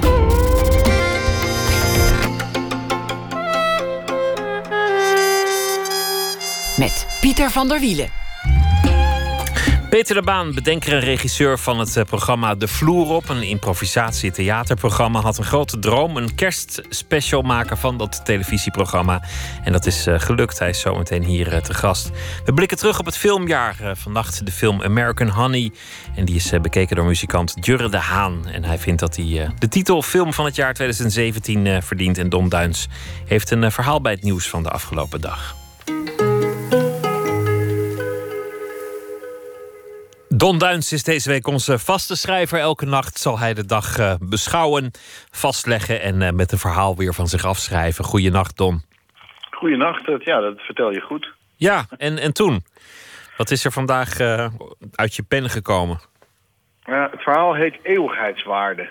Dus ik blijf nog even in de grotere thema's. Mooi, ga je gang. Vandaag stond er een boeiend artikel op de site van de BBC. De kop van het stuk geeft perfect aan waar het over gaat. Who will be remembered in thousand years? In het verhaal staan goede tips om zo'n onsterfelijke status te bereiken. Hoe komt het dat sommige mensen al tijdens hun leven worden vergeten... en anderen op de een of andere manier eeuwige roem bereiken? Zo tegen het einde van het jaar, nu de winter is aangebroken... en het barst van de jaaroverzichten, vind ik het wel een relevante vraag. Wie blijven er bewaard in het collectieve onderbewustzijn? Van wie blijven er net zoveel afbeeldingen en andere souvenirs over als van Alexander de Grote? Weten we over duizend jaar nog wie Obama was, of moeder Teresa, Nelson Mandela of Justin Bieber? En wat kun je daar zelf aan bijdragen? Een gouden tip om eeuwigheidswaarde te verwerven is volgens het artikel om eerst veel macht te verwerven en dan een legendarische dood te sterven. Zoals Julius Caesar werd omgelegd met al die messteken... en een al dan niet apocryfe quote... Et tu brute, ook gij Brutus, dat is natuurlijk Horst Concours. Maar ook Jeanne d'Arc op de brandstapel... en Cleopatra met gifslang aan haar borst... hebben blijvende indruk gemaakt. Typen zoals Julius Caesar, Cleopatra en Alexander de Grote... hadden overigens voortdurend hun eigen chroniekschrijvers om zich heen. Ook wel iets voor Trump, al doet hij het met zijn eigen tweets... Hij is zijn eigen chroniqueur.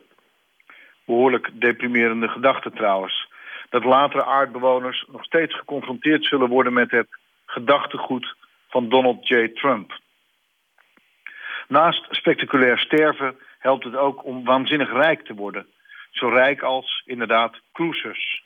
Van wie we ook nog steeds de naam kennen. Een religie starten of daar de profeet van zijn is ook niet beroerd. Zie Jezus, Boeddha en L. Ron Hubbard. Ook een slecht mens zijn werkt wonderbaarlijk. Het BBC-stuk noemt onder andere Hitler, Ivan de Verschrikkelijke en Jack the Ripper. Beroepen die je moet vermijden in je kweesten naar eeuwige faam... zijn onder andere popmuzikant, omdat muziek zo smaakgebonden is. En ook voor sporthelden ziet het er niet goed uit. Nadat de mensen zijn gestorven die deze sporters in levende lijven zagen... sterft ook hun nagedachtenis uit. Al denk ik dat je een uitzondering moet maken voor fenomenen als Mohamed Ali en Johan Cruijff, die groter werden dan hun sport. Dat laatste geldt zeker niet voor Ajax-coach Marcel Keizer, die vandaag werd ontslagen. Samen met Dennis Bergkamp en Henny Spijkerman. Bergkamp staat, dankzij prachtige doelpunten, nog bekend als de Da Vinci of voetbal. En dat is potentieel mythisch. Maar voor Keizer en Spijkerman ziet het er niet best uit die zijn denk ik niet binnen duizend, maar al binnen tien jaar vergeten. Misschien al binnen tien dagen. Het stuk op de BBC-site zette me wel aan het denken. Waarom zou ik in godsnaam zo mijn best doen op al die mooie theaterstukken, kostelijke verhalen en prachtige boeken, als over duizend jaar niemand meer weet wie ik ben? Sterker nog, dat weten mensen nu ook al niet. Onder stukjes over de generatie Niks, een literaire beweging waar ik per ongeluk deel van heb uitgemaakt, staat vaak de reactie, waar is die Don Duins eigenlijk gebleven? Dus duizend jaar is voor mij net als keizer en spijkerman veel en veel te hoog gegrepen. Daarnaast, waarom zou je in godsnaam zo lang onthouden willen worden? De laatste zullen de eerste zijn, luidt het Bijbels gezegde. Omdat ik niet geloof, zie ik het enige nut van mijn handelen in het nu. Dat is wellicht wat armoedig en weinig visionair, maar ik zweer je, ik ben er tevreden mee. En een, en een legendarische dood, ach, dat is wat overschat. Mooi gesproken, Don, dankjewel. Ik, uh, ik, ik, las in de krant dat, uh, dat het uh, manuscript van de Marquise de Sade nu, nu een soort eeuwige status heeft toegekend gekregen. Dat het een soort oh. werelderfgoed is geworden of iets, iets dergelijks.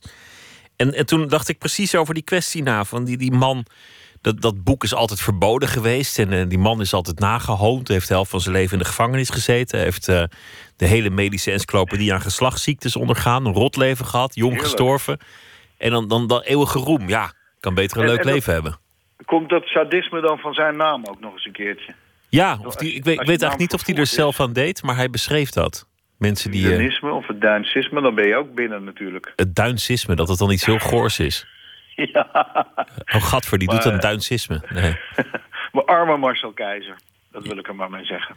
Juist. Nou, ik ben het, uh, ben het helemaal met je eens. Don, dankjewel en een uh, goede nacht. Jij ook een goede nacht.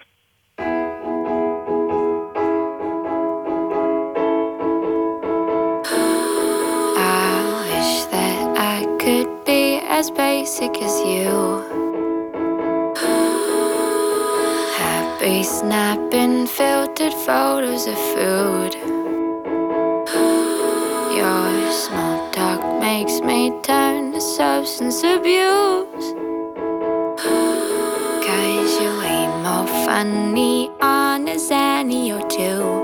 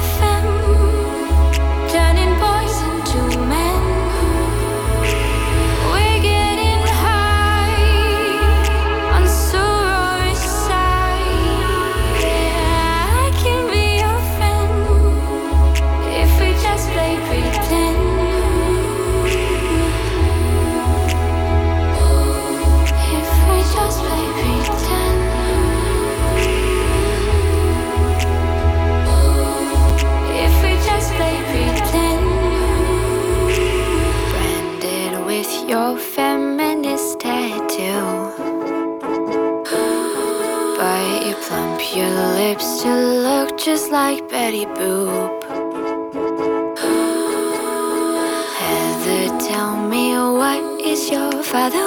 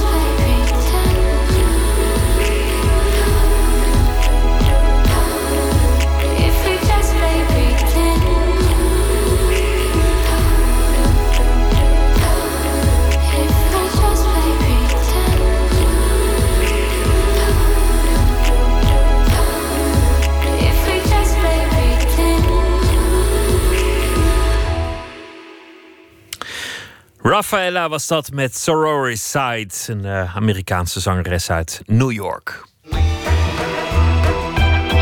Nooit meer slapen. Overal lijstjes, want het uh, jaar is uh, zo'n beetje wel voorbij. Ook VPRO Cinema is erin gedoken. De verkiezing van de beste film van 2017. Deze week elke nacht uh, films die zijn uh, blijven hangen, die zijn opgevallen afgelopen jaar. Jurre de Haan is uh, zanger. Hij heeft een project, Awkward Eye. En hij heeft ook veel filmmuziek gemaakt. En zijn favoriete film dit jaar was American Honey. Geregisseerd door Andrea Arnold met Shia LaBeouf in de hoofdrol. Won al de juryprijs in Cannes. Nope. Ja. Ik zag hem uh, in het AI Filmmuseum met Michiel ten Hoorn. Regisseur waar ik uh, veel filmmuziek voor gemaakt heb en maak. En uh, nou, we gaan wel uh, vaak samen naar de film. Dat is wel goed voor de, de arbeidsverhoudingen en zo. Do you have any dreams? Like future dreams? Ik was echt drie uur in hogere sferen. You think you're special. I am not here. You don't mean that any De energie en de, en de schoonheid überhaupt van het beeld en zo ook. En de muziek ook.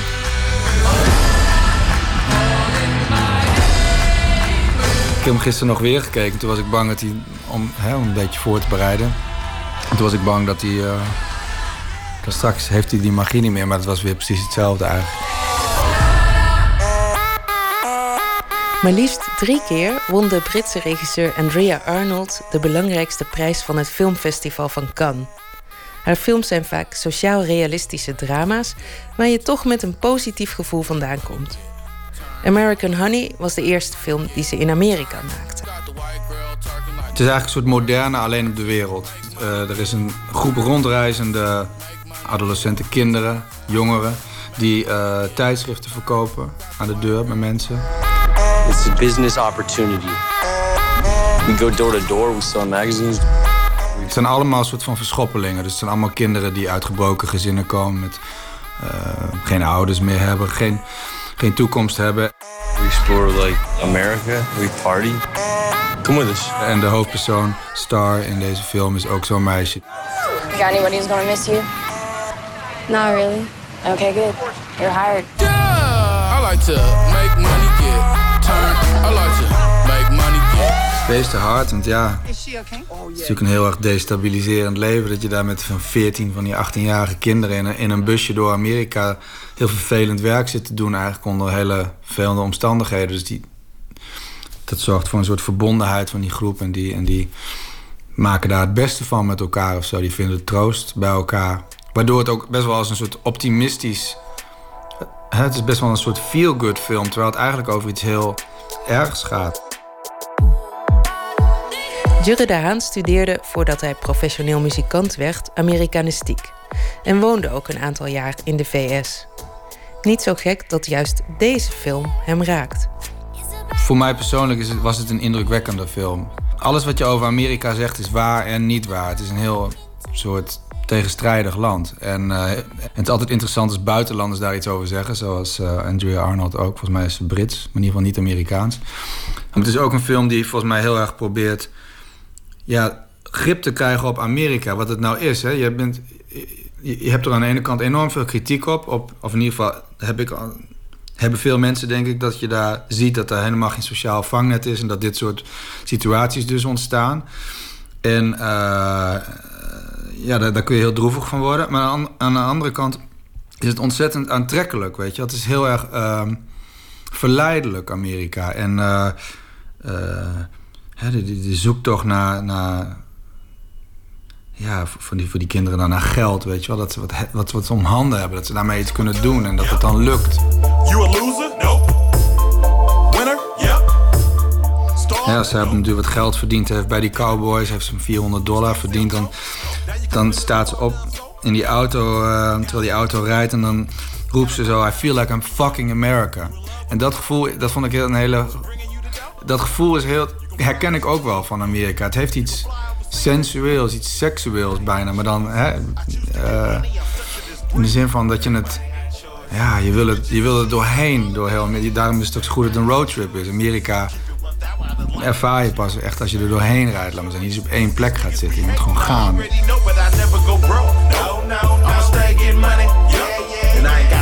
Ik heb wel eens gehoord dat men in Amerika bijvoorbeeld... Uh, dat ze geënquêteerd hebben of mensen niet een sociaal netwerk wilden hebben. Hè? Dus dat, dat, dat je niet zo eh riches to rags, dat je dus niet van niks ineens miljonair kan worden, maar dat het allemaal wat gemiddelder zou worden. En dat heel veel arme mensen daar kennelijk ook op tegen waren, omdat het hun namelijk die mogelijkheid van dat extreme dromen ontneemt. Hè? Dan wordt alles een beetje zo Ja, gelijk getrokken zo. En een beetje zoals hier. een beetje zoals hier, ja. En dat, eh, ja, maar dat, is, dat is ook, ja, wat echt anders is in Amerika, laat me zeggen, ja. Dream, baby, dream.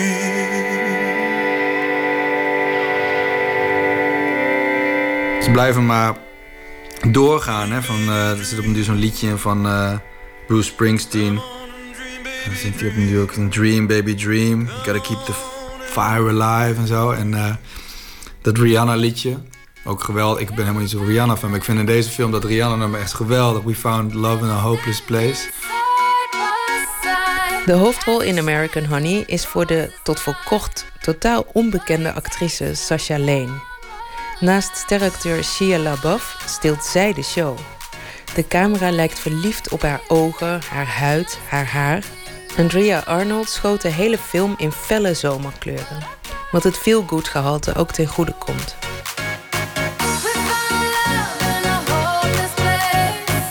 Heel erg eh, kleurrijk. Hè? Het is ontzettend veel neonkleuren. eh die madame heeft een, bikinietje aan met de Confederate flag. Hè? eh, daarop de zuidelijke staat van Amerika. het is allemaal zeer gestileerd eigenlijk. Star heeft meestal iets paars of knalgroen of ja, neongeel. Ik bedoel, het en het is zomer in Amerika, dus heel veel zon en blauw. En ik vind het heel goed gedaan, omdat het namelijk bijdraagt aan die, aan die aantrekkingskracht van Amerika. Dat alles zo verleidelijk is. Hè? De, eh, op den duur vraagt ze of iemand wat te drinken heeft en dan haalt niet iemand een glaasje water. Maar dan hebben ze alleen maar Mountain Dew, wat ook een heel ongezond, suikervol drankje is. Maar het is ook neongeel. En dat is dan het enige wat zo'n meth head familie in huis heeft. Dus ook Ja, zo'n lege koelkast. Een met lege één zo'n, ook niet een anderhalve liter fles, maar ik Nee. denk dat 2,5 Ja. liter of zo. En een stuk pizza wat nog niet opgegeten is. Maar, maar toch, maar toch, het is dus en heel ongezond en, en verwerpelijk zou je kunnen zeggen. Ik bedoel, het is echt een rot drankje, Mountain Dew. Je tanden vallen uit je, uit je mond, weet je wel. En, maar het is ook heel ja, zoet en, en knalgeel, weet je wel. Het is heel verleidelijk. Het is mooi om te zien. Ja, ik, ben, ik loop dan met een soort gelukzalige energie de film uit. Zo van wakker en blij dat iemand zoiets maakt op die manier. Weet je, wat er zijn. eh, ja, dat iemand het goed heeft. Weet je, dat is natuurlijk heel subjectief. Maar ik heb dan het idee, yes, iemand die gewoon echt een hele gedurfde, gewaagde, rake film maakt over iets super moeilijks. ja, dat, kan ik, dat vind ik heel eh, troostrijk en, en zeg je dat? Gelukzalig of zo. Zo'n soort gevoel. Beetje zo rozig. Ja. Dat je er zin in krijgt in het leven. Ja, en, dan, en daarna denk je ineens van... ah ja, wacht dit is een film over natuurlijk... een bepaald soort realiteit voor veel mensen. En dan, hè, dan, dus het is natuurlijk niet alleen dat. Maar ja, ik moet zeggen, met die energie liep ik wel... gewoon wat ik zelf ook heb als ik een, eh, als ik een liedje maak waar ik blij mee ben... Hè, dan heb je dat tijdelijke gevoel van... dat het even gelukt is. Dat er eventjes tijdelijk... nou ja, eh, orde in de chaos is. En dat heb ik ook als zo'n als zo'n film je eh, helemaal overweldigt. Dan heb je hetzelfde gevoel van yes, weet je wel. Iemand heeft dat ja, tijdelijk weten te fixeren. Eventjes. Weet je wel. Daarna komt er weer een nieuwe film en eh, of een nieuwe gebeurtenis. En dan is alles weer overhoop. Maar toch. Of je moet de afwas doen of zo. Ja, we moeten afwas doen. Of eh, ja. iets naar de HEMA. We indigos. Live, think, lives we chose. Yeah. Show your brave. Jurre de Haan, alias eh, Awkward Eye, over de film American Honey. En hij komt eh, in eh, februari met een nieuw album. En Nicolaou eh, leverde deze bijdrage. En op de site van VPRO Cinema kunt u meestemmen voor de film van het jaar. 2015 was het en dit nummer stamt uit dat jaar. Een akoestische versie van een dancehit Younger. En dit is een uh, Zweeds-Gambiaanse zangeres, Sainabo C.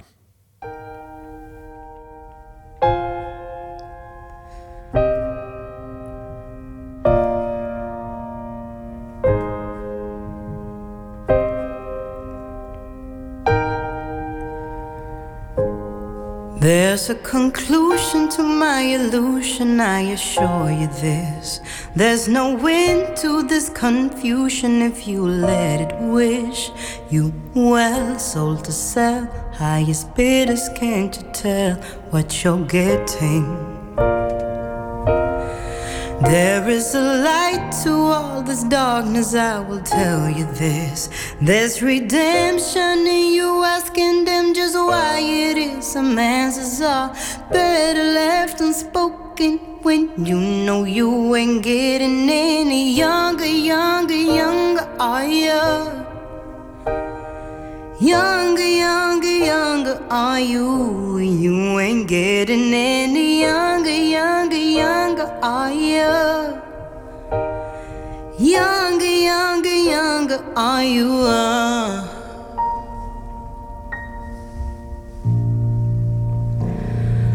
While we fight to get on love, and I've been wondering how your mind will you hanging, your heart lingering. Stay lost, then found by whomever stays around, forgetting.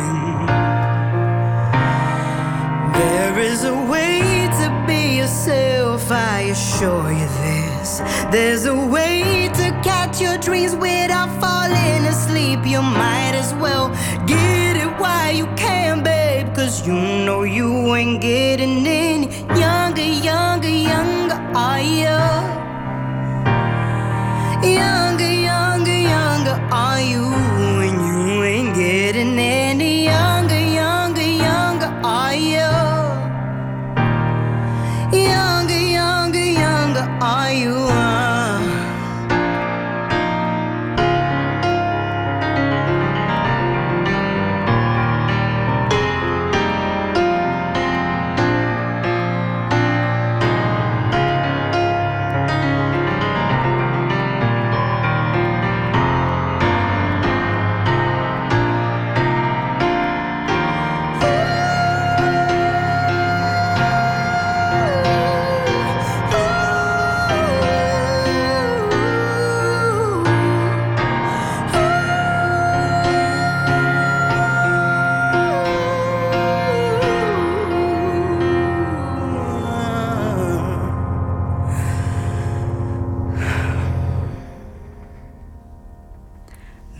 There is a light to all this darkness, if only we fight against them telling us how we should be. And I refuse to have you break me when you know you ain't getting any younger, younger, younger, are you?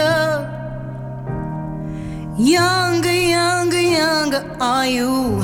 You ain't getting any younger, younger, younger are you? Younger, younger, younger are you? You ain't getting any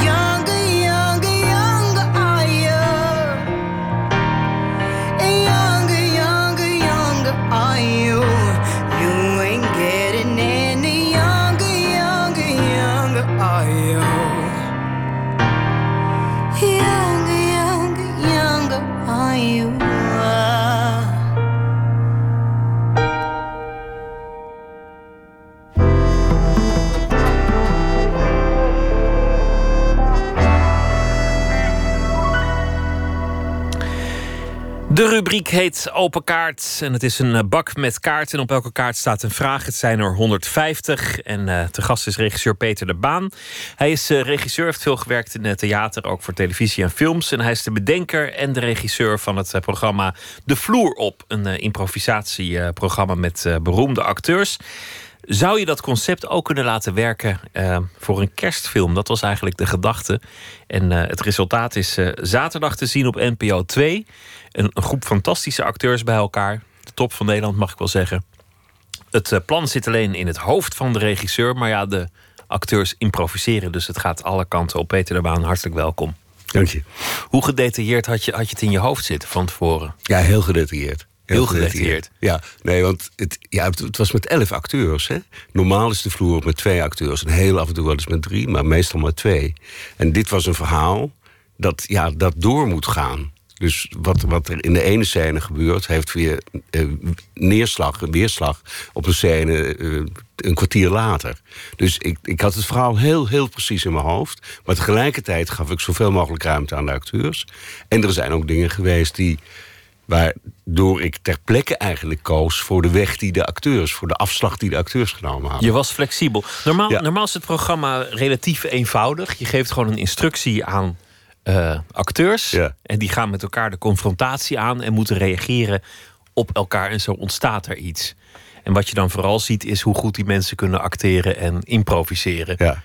Maar dan hoef je nergens uiteindelijk te eindigen. Je hoeft niet, niet ergens uit te komen. Nee, ik heb een laatste zin nodig. Of ik heb, ik, ik heb een slot nodig. Dat, is, dat, is, dat weten de acteurs ook. Dus zo, nou, meestal duren die opnames ongeveer 10, 12 minuten in, in het BIM-huis. Dus dan, dan op een gegeven moment wil, wil ik een, een, een scène kunnen uitzenden. Heb ik echt een slot nodig. Daar zit ik op te wachten. Maar dat, ja, dat, dat verzinnen die acteurs. Dat, ik, ik geef die opdracht en dan is het helemaal aan hun. Nou, het is ergens in Groningen op een boerderij. Het is uh, ja, een soort van kerstfamiliereunie. Iedereen komt bij elkaar. Uiteraard is het een dysfunctionele familie om heel veel redenen. Iedere acteur heeft zijn eigen probleem. En ze gaan de confrontatie aan. Maar dit keer is het echt een lange boog. Ze moeten ja, hele lange boog. Ja.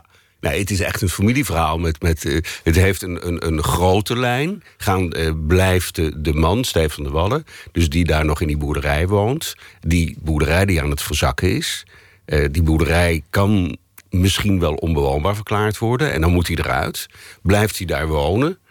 Of gooit hij de handdoek in de ring en heeft iets van... ja, ik, ik wil dit niet meer. Wat veel mensen in Groningen doen. Hè, die helemaal gek gemaakt zijn door, ja, door door hoe de NAM met ze omgaat. Want het huis is niks meer waard en, en al je geld zit erin en je krijgt geen schadevergoeding. Nee. En Dus- het dus ziet je- eruit alsof het Ja. toch allemaal eh, vier overeind staat. Maar het is eigenlijk. eh, ja, de, de, de, grootste nachtmerrie voor die mensen is dat het onbewoonbaar verklaard wordt. Want dan krijg je dus een heel laag bedrag voor dat huis. Dit huis waar wij draaien, de, daar gebeurt dat misschien ook mee. Het is een prachtige boerderij. Echt een onwaarschijnlijk mooie boerderij. En ik geloof dat de WOZ-waarde, dus wat zij er dan uiteindelijk voor zouden krijgen, is 230.000 euro of zo. Daar kan je een fletje in Assen van kopen. Dat is, eh, nee, het is echt, echt. Ik ben van de zomer ben ik er naartoe gegaan. En toen heb ik er nou een beetje rondgereisd en, en veel met mensen gepraat. Maar het is echt gruwelijk wat daar gebeurt hoor. Ik had het natuurlijk al over gelezen in de krant en zo. Dat, eh, maar het is echt nog vele malen erger dan wij hier in het Westen denken. Dat is de achtergrond van het verhaal. En dan is er natuurlijk ook nog het verhaal van die familie zelf. Een paar parels van scènes eh, zag ik. Bijvoorbeeld eh Gijs Scholt van Aschat... die verleid wordt door een oude minnares... op het moment dat het ongemakkelijk is. Het Ja. is eh, de dochter des huizes die zich letterlijk gedistanceerd heeft van de familie... door in een caravan te gaan wonen Ja. op het terrein. Ja, ja. En, en hij, ja, hij is zichtbaar verrast door het verzoek... wat, wat ook wel klopt met de strekking van het verhaal. Ja. Hoe hij dat oplost, dat, is, dat was een grootste acteerprestatie. Ja, een nee, dat nee, dat is meestelijk. Dat is ook, ook hoe Saskia, want Saskia verleidt hem. Dus, dus het dilemma ligt bij Gijs. Dus je ziet, het dilemma ligt bij Gijs in de rol die hij speelt. Maar ook Gijs, eh, Gijs als acteur. Ja, moet ik hierop ingaan? Is dit leuk voor de scène? Is dit, is dit gênant? Kan dit? Moet- ik moet is dit, Of is dit alleen maar gênant? Hè, begrijp je dat je denkt, nee, dat kan niet. En zij weten het dan samen zo te maken dat het, dat het heel gênant is... maar dat je er tegelijkertijd ongelooflijk om moet lachen... En dat er ook een enorme triestheid in zit. Dat je echt denkt, oh god. Maar wat, het speelt zich af in een heel klein caravannetje. En dat je denkt, oh jeetje, mijn god. Als je zo eindigt eigenlijk. En dat is, ja, dat vind ik het, het onvoorstelbaar knappe van, van, van wat de acteurs doen. Dat ze, dat ze, ze zoeken ze gaan verder dan in de meeste televisie, wat in de meeste televisiedrama's gebeurt. Ze gaan net twee, drie stappen verder. Het wordt net iets pijnlijker. Het duurt, het of het wordt net iets hilarischer. En dat is natuurlijk, ja. Zij hebben. voor die acteurs is het verrukkelijk. Zij krijgen van mij een opdracht. Dat is heel vaak zo dat ze denken: mijn god, moet ik dit gaan doen? Dus dat is een enorme uitdaging. Maar acteurs reageren daarop. Ik bedoel, dat is, daarom zijn ze acteur. Dus ik bedoel, ze, ze, ze, staan op scherp op dat moment. Ze slaan aan. Maar hoe is dat voor jou? Want jij hebt dat plan. Jij wil ergens naartoe en dan ineens verdwijnt een van je hoofdpersonen een kerfje in om daar te rollen bollen met, eh, met een, met een ex-geliefde. Ja, nou ja, al je is- plannen in de war. Hoe, hoe Nee, kijk nee, nee, dat was in, in dit geval. nou Ja, dit, dat, nee, ik heb natuurlijk, ik doe het al 15 jaar. Dus ik, ik, ik, ik, ik, ik, ik fantaseer, ik bedoel, ik, ik bedenk die opdrachten. En ik fantaseer natuurlijk ook over de mogelijke uitkomsten. Ik had gezegd tegen Gijs, eh, de, de Saskia, Saskia Temmink, is een oude geliefde van je. Ja, dat zeg ik niet voor niks natuurlijk. Ik bedoel, ik geef maar ik rol het lopersje een, een klein beetje uit voor ze. Ik rol en daar kunnen ze over gaan, ja, ja, daar kunnen ze over gaan lopen. Maar de kunst van improvisatie is dat je wat ontstaat, koestert en, en de schoonheid en mogelijkheden daarvan inziet. Het is een nieuw begin. Je moet niet denken, oh shit, maar ik wilde daarheen. Je moet juist uitgaan van wat je. Ja, je, moet vindt. met improviseren nooit nee zeggen. En dat moet ik dus ook niet doen. Dus als dat gebeurt, en stel dat het nou iets was wat voor het verhaal niet goed was geweest, had ik dus nooit moeten ingrijpen en zeggen: nee, jongens, dit gaan we niet doen. Dan moet ik weer een volgende opdracht verzinnen, waardoor het weer in het spoor komt wat het verhaal nodig heeft. Maar je moet dus altijd via ja zeggen, via positieve acties, moet je je doel bereiken. En dat is, ja, dat geeft op een of andere gekke manier geeft dat dat gevoel van vrijheid ook. En daarom zie je die acteurs dingen doen waarvan je denkt: hoe is het in godsnaam mogelijk dat ze dat, dat, ze dat kunnen? Van, een- van, een- van, een- van een vrijheid. En ook, dat zit ook heel vaak in ontroering. Dat je, dat je, dat je, ik heb vaak bij, bij de vloeropscènes dat, echt, dat ik tranen in mijn ogen heb. Maar je ziet die acteurs ook van een andere kant. Ik, em, ik, ik was eh, blij verrast door Nasruddin Jar, die, die je eigenlijk een, een ander soort rol ziet spelen dan hij normaal speelt. Ja. Het, dat- het, is, het is natuurlijk een fantastische acteur, maar je ziet, ziet in dit geval dat hij eigenlijk een heel ander soort personage prachtig neer kan zetten. Ja. En dat is natuurlijk de lol voor mij. Ik bedoel, ik, ik bedenk die opdrachten voor ze. Dus ik, ik, ik cast ze ook. Ik, ik bedenk die opdracht van Nasruddin. En ik denk dan... Wat is leuk dat. De, welke richting is leuk dat- waar, waar die Nasruddin kan nemen? Wat, wat, welke, welk aspect van zijn acteur zijn. kan ik hem ook nog laten zien? En dat. eh, ja, dat, om, omdat ze ja, alleen die opdracht van mij hebben, moeten ze dan ook wel. En de gretigheid waarmee ze dat doen, ja, dat is. Dat is ja, ze hebben er, ze hebben er ook zo'n ontzettende lol in. Ik bedoel, Dat- ze zijn dat is ook zenuwachtig. zichtbaar. Ja, ze, ze zijn zenuwachtig, want ik bedoel, ja, ze zijn totaal onvoorbereid. Ik bedoel, je staat toch een beetje voor het, voor het vuurpeloton, zeg maar. En, en, maar ze hebben er tegelijkertijd zo ontzettende lol in. En, en, en, en ja, zijn gretig en willen door ook en zo en dat soort dingen. En dan, ja, dan krijg je dat soort dingen. Dat, We gaan het einde niet verklappen, dat heb ik moeten beloven. Dus daar, daar Ja. hou ik me aan. Ja. We gaan beginnen met de, de kaarten. Wil je alsjeblieft een vraag trekken? Ja. Om wie moet je lachen? Ehm, ik, heb, ik, heb, ik moet nu niet zo vaak meer om lachen. Maar ik moest. Ik heb met Jeroen van Koningsbrugge, heb ik geloof ik 17 jaar geleden, toen was hij nog volmaakt onbekend. Toen speelde hij in de Scheepsjongens van Bontekoe, een familievoorstelling. Hele leuke familievoorstelling. En eh, daarin zat hij heel vaak in een, in een bootje eh, met een aantal andere acteurs. En dan, dan maakte hij echt continu grappen.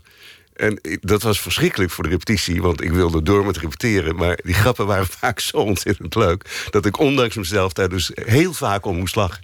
En ik vond hem eigenlijk, als ik hem nu zie, vind ik hem vaak ook nog wel leuk hoor. Maar zo leuk als hij toen was, toen hij nog volmaakt onbekend was, zo, zo, heb ik, zo leuk heb ik hem nooit meer gezien. En in, in draadstaal was hij natuurlijk ook eh, af en toe briljant geestig. Ja, nee, hij, er, Ja. er zijn sommige scènes van hem zijn, zijn, zijn weergeloos knap. Zijn echt weergeloos knap. En ik vind hem, zoals in van eh, Riphagen, dat, dat, dat is heel goed wat hij daar doet. Dat is gewoon, als acteur is dat heel goed wat hij daar doet. Die rol deed Ja, van, van, ja. eh, van onbetrouwbare slechterik in een dubbelspel. Ja, ook, ook extreem slecht durven zijn. Dat niet, niet, wat je bij acteurs wel eens ziet, dat ze zich bijna excuseren voor hun eigen slechtheid. Van, ik ben, ik ben, ik, het valt best mee hoor, ik bedoel, zo slecht ben ik niet. En Jeroen durft al net die, die twee stappen verder te gaan. En dat je echt denkt, jezus, maar dit is echt slecht. Dit is echt heel slecht. Ja, en je maar- ziet maar- hem daar plezier in hebben. Maar ik ging hem haten, het personage, maar tegelijk bleef hij wel zijn charme behouden. Je, je bleef erin geloven dat anderen erin trapten. Exact, en dat moest natuurlijk voor die rol. Want ik bedoel, daarom heeft die man zoveel kwaads kunnen doen. Omdat hij, ja, omdat hij ook zo charmant was. De echte ripage, ja. ja, ja. Laten we nog een vraag doen. Ja, ja. Wat verwacht je van de komende tien jaar? Ehm, ja, er is, er is sprake van dat eh, dit, dit, dit idee van de vloer op, eh, dus een langlopende eh, verhaal van de vloer op, dat idee had ik zo vier, vijf jaar geleden. En het is nu, ik ben er nu echt nadrukkelijk toe, voor uitgenodigd om dat te doen. En er is nu een soort belofte van, ehm, nou, als dit, als dit lukt, dan zou het leuk zijn als we dat elk jaar zouden doen. Dus dan wil ik heel graag nog tien keer, misschien nog wel, meer, eh, het lange verhaal, het doorlopende verhaal van de vloer opmaken. En misschien zelfs, ja, want dit, ook, dit, dit is 65 minuten en we zouden er makkelijk 75 van kunnen maken. Dus het is, eh, het is drie dagen opnemen. Het is, een, ja, het is zo'n lenig, het is zo'n ontzettende lenige manier van, van werken. En het is, ik heb heel veel gewoon televisiedrama gedaan, ook films gedaan. En ik verveelde me als regisseur daar ook wel eens. Omdat je dan, ja, dan ga je naar een locatie toe. En dat je weet wat je komt halen, je weet Precies. wat je, wat je moet doen. En die scènetjes en zo. En je denkt ook, nou ja, oké, dat is zo. Nou, ik heb goede acteurs, dus dat, dat lukt allemaal wel. En de ene keer heb je een, haal je een 8,5 en de andere keer haal je een 7 min. Maar het is, er zitten weinig uitschieters bij. En dit is zo'n... Ja, dit gaat zo... We gingen, de, de, scène in, het kerkje bijvoorbeeld. Gaan, gaan Steven en Saskia die gaan naar een kerkje waar ze ooit, ooit in getrouwd zijn. En nou, dan gaan we daar met, met een auto en die twee acteurs naartoe. Drie cameramensen. Geen licht. We draaien daar alleen maar met beschikbare licht. Dus we lopen die kerk in. Ik geef die opdracht aan die twee acteurs. Zij spelen dat. Prachtig. Een heel mooi zuiver scènetje. Scène duurt zeven minuten misschien. Dus na tien minuten zitten we weer in de auto terug naar de locatie. En dat is iets wat ik zo verschrikkelijk leuk vind. Dat je dus niet al dat. Televisie maken is heel traag. Drama maken voor televisie en voor film is ongelooflijk traag. Dat, dat, er zitten heel veel mensen omheen. En dit is een heel klein, flexibel groepje. En ik vind dat heerlijk. Ik vind dat verrukkelijk. Ja, ik kom natuurlijk uit toneel. En toneel is wat dat betreft een veel.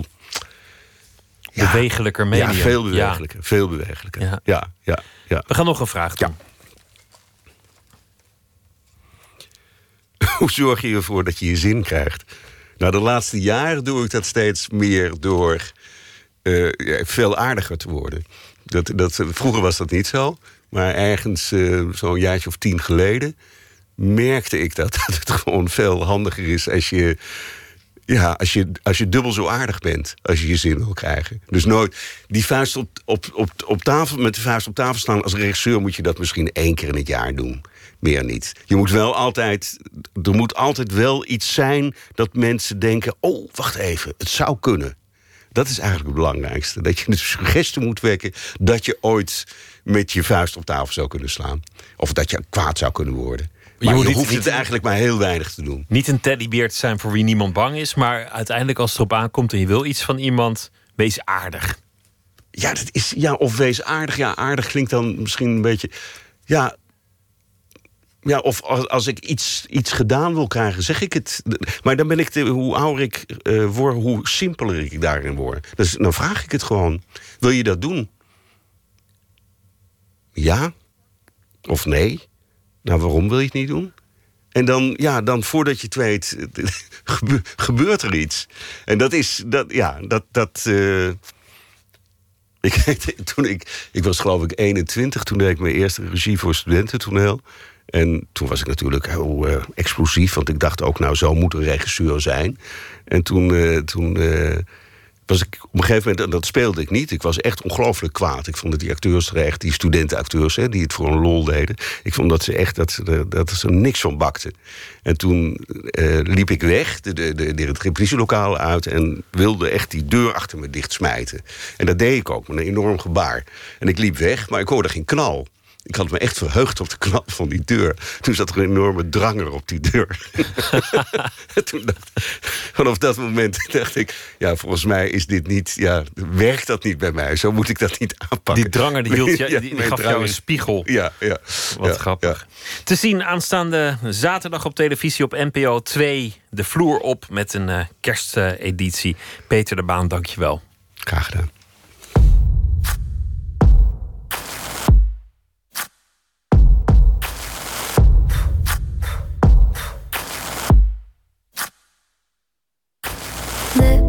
Lips teeth and tongue.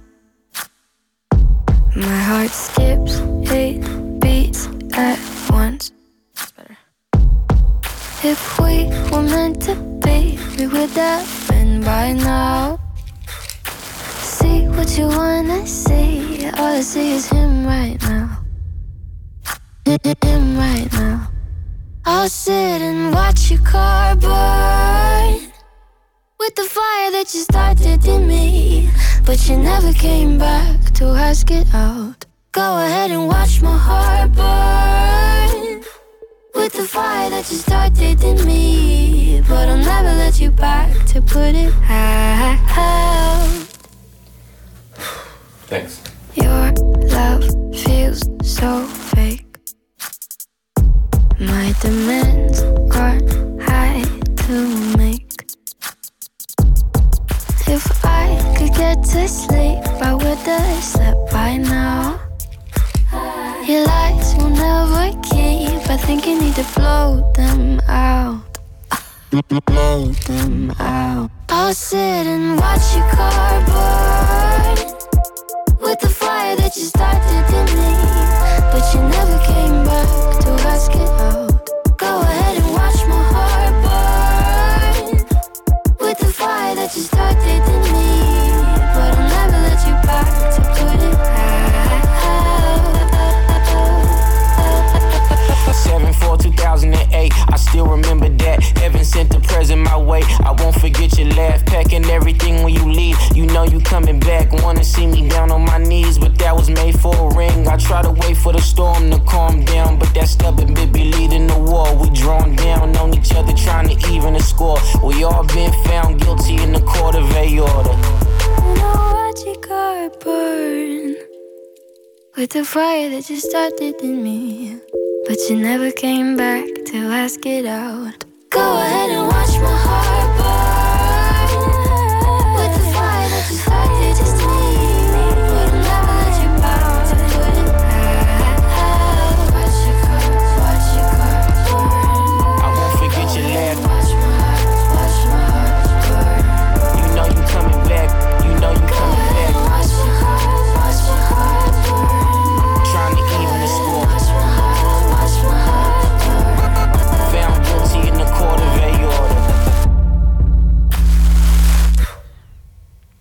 Billie Eilish samen met eh, rapper Vince Staples. Ze is eh, 15 jaar oud, eh, deze zangeres uit eh, Los Angeles. En het nummer heet And Burn.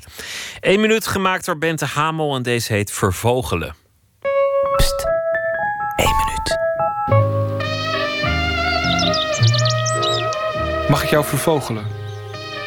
Vervogelen tot een. Roodborstje, een winterkoninkje, eh, vink misschien. Nou, als ik mag kiezen. Winterkoning. Winterkoninkje, dat is een goede keuze, dat is een hele mooie.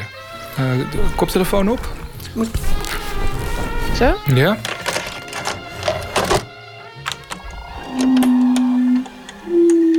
Wat je, wat je nu hoort is een vertraagd winterkoning.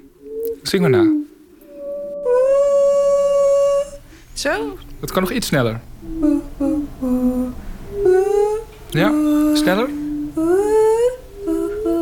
Ja, ja. Kom maar op.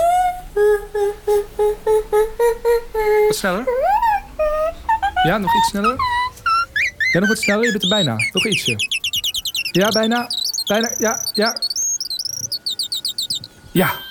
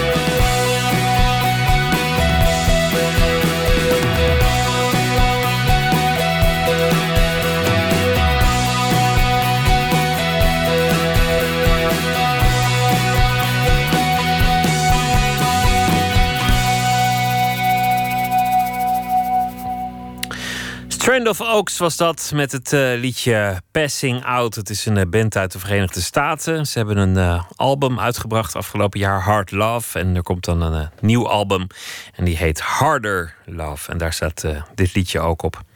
Poëzie van Abdelkader Benali. Hij schrijft romans, poëzie, maakt televisieprogramma's, rent marathons, kan goed koken, is een trotse vader. En hij was op de Nacht van de Poëzie en daar heeft hij dit gedicht voorgelezen: Rotterdam.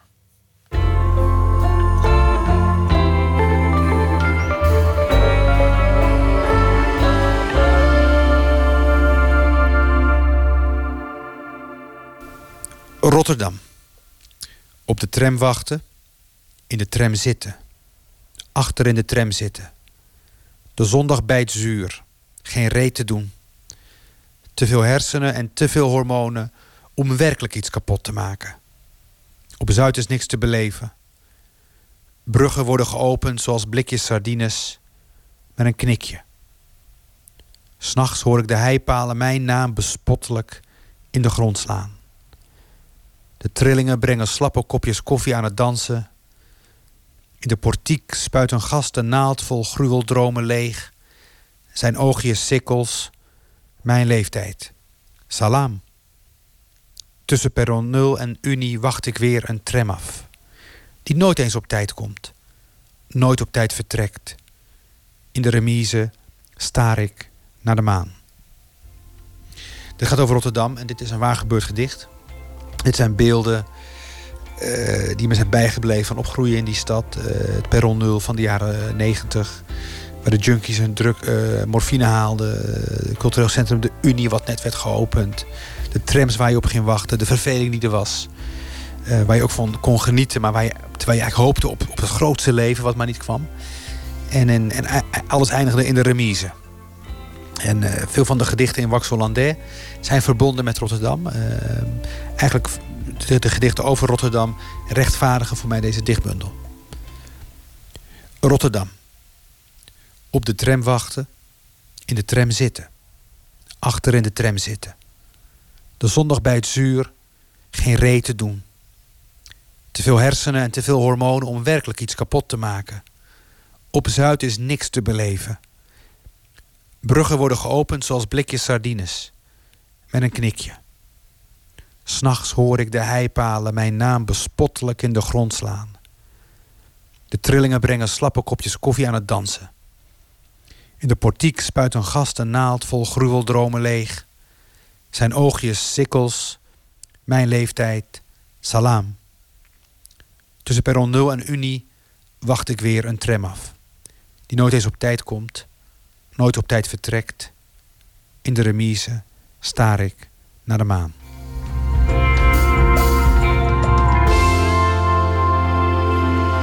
Autokader Benali las het gedicht Rotterdam. We gaan luisteren naar eh, Marvin Gaye, Inner City Blues.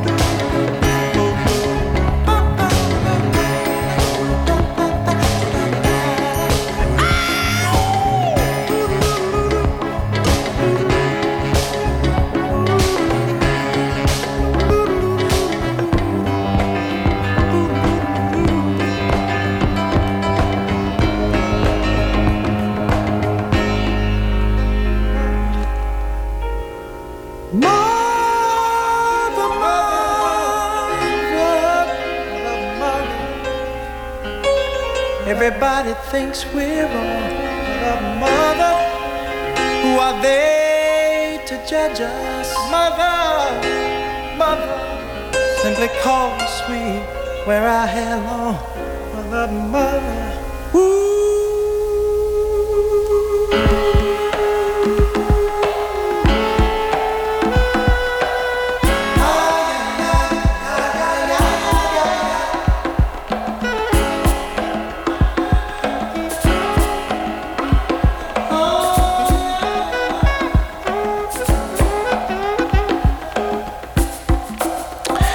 Marvin Gaye met het uh, nummer Inner City Blues. Morgen in Nooit meer slapen komt uh, Elfie Tromp en die gaat in gesprek met uh, muzikant Koen van der Wart. En hij is een Nederlandse muzikant die veel in Noorwegen heeft gewerkt en hij is de oprichter van Klangstof, een band die binnenkort zal optreden ook in Paradiso en ze gaan praten over de rock'n'roll en heel veel andere onderwerpen. Dat allemaal morgen en voor nu een hele goede nacht.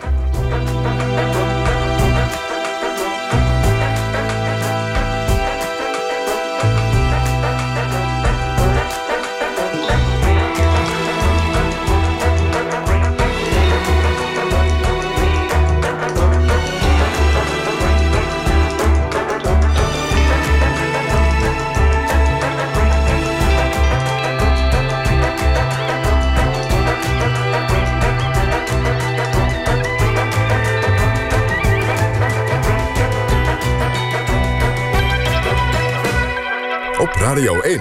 Het nieuws van alle kanten.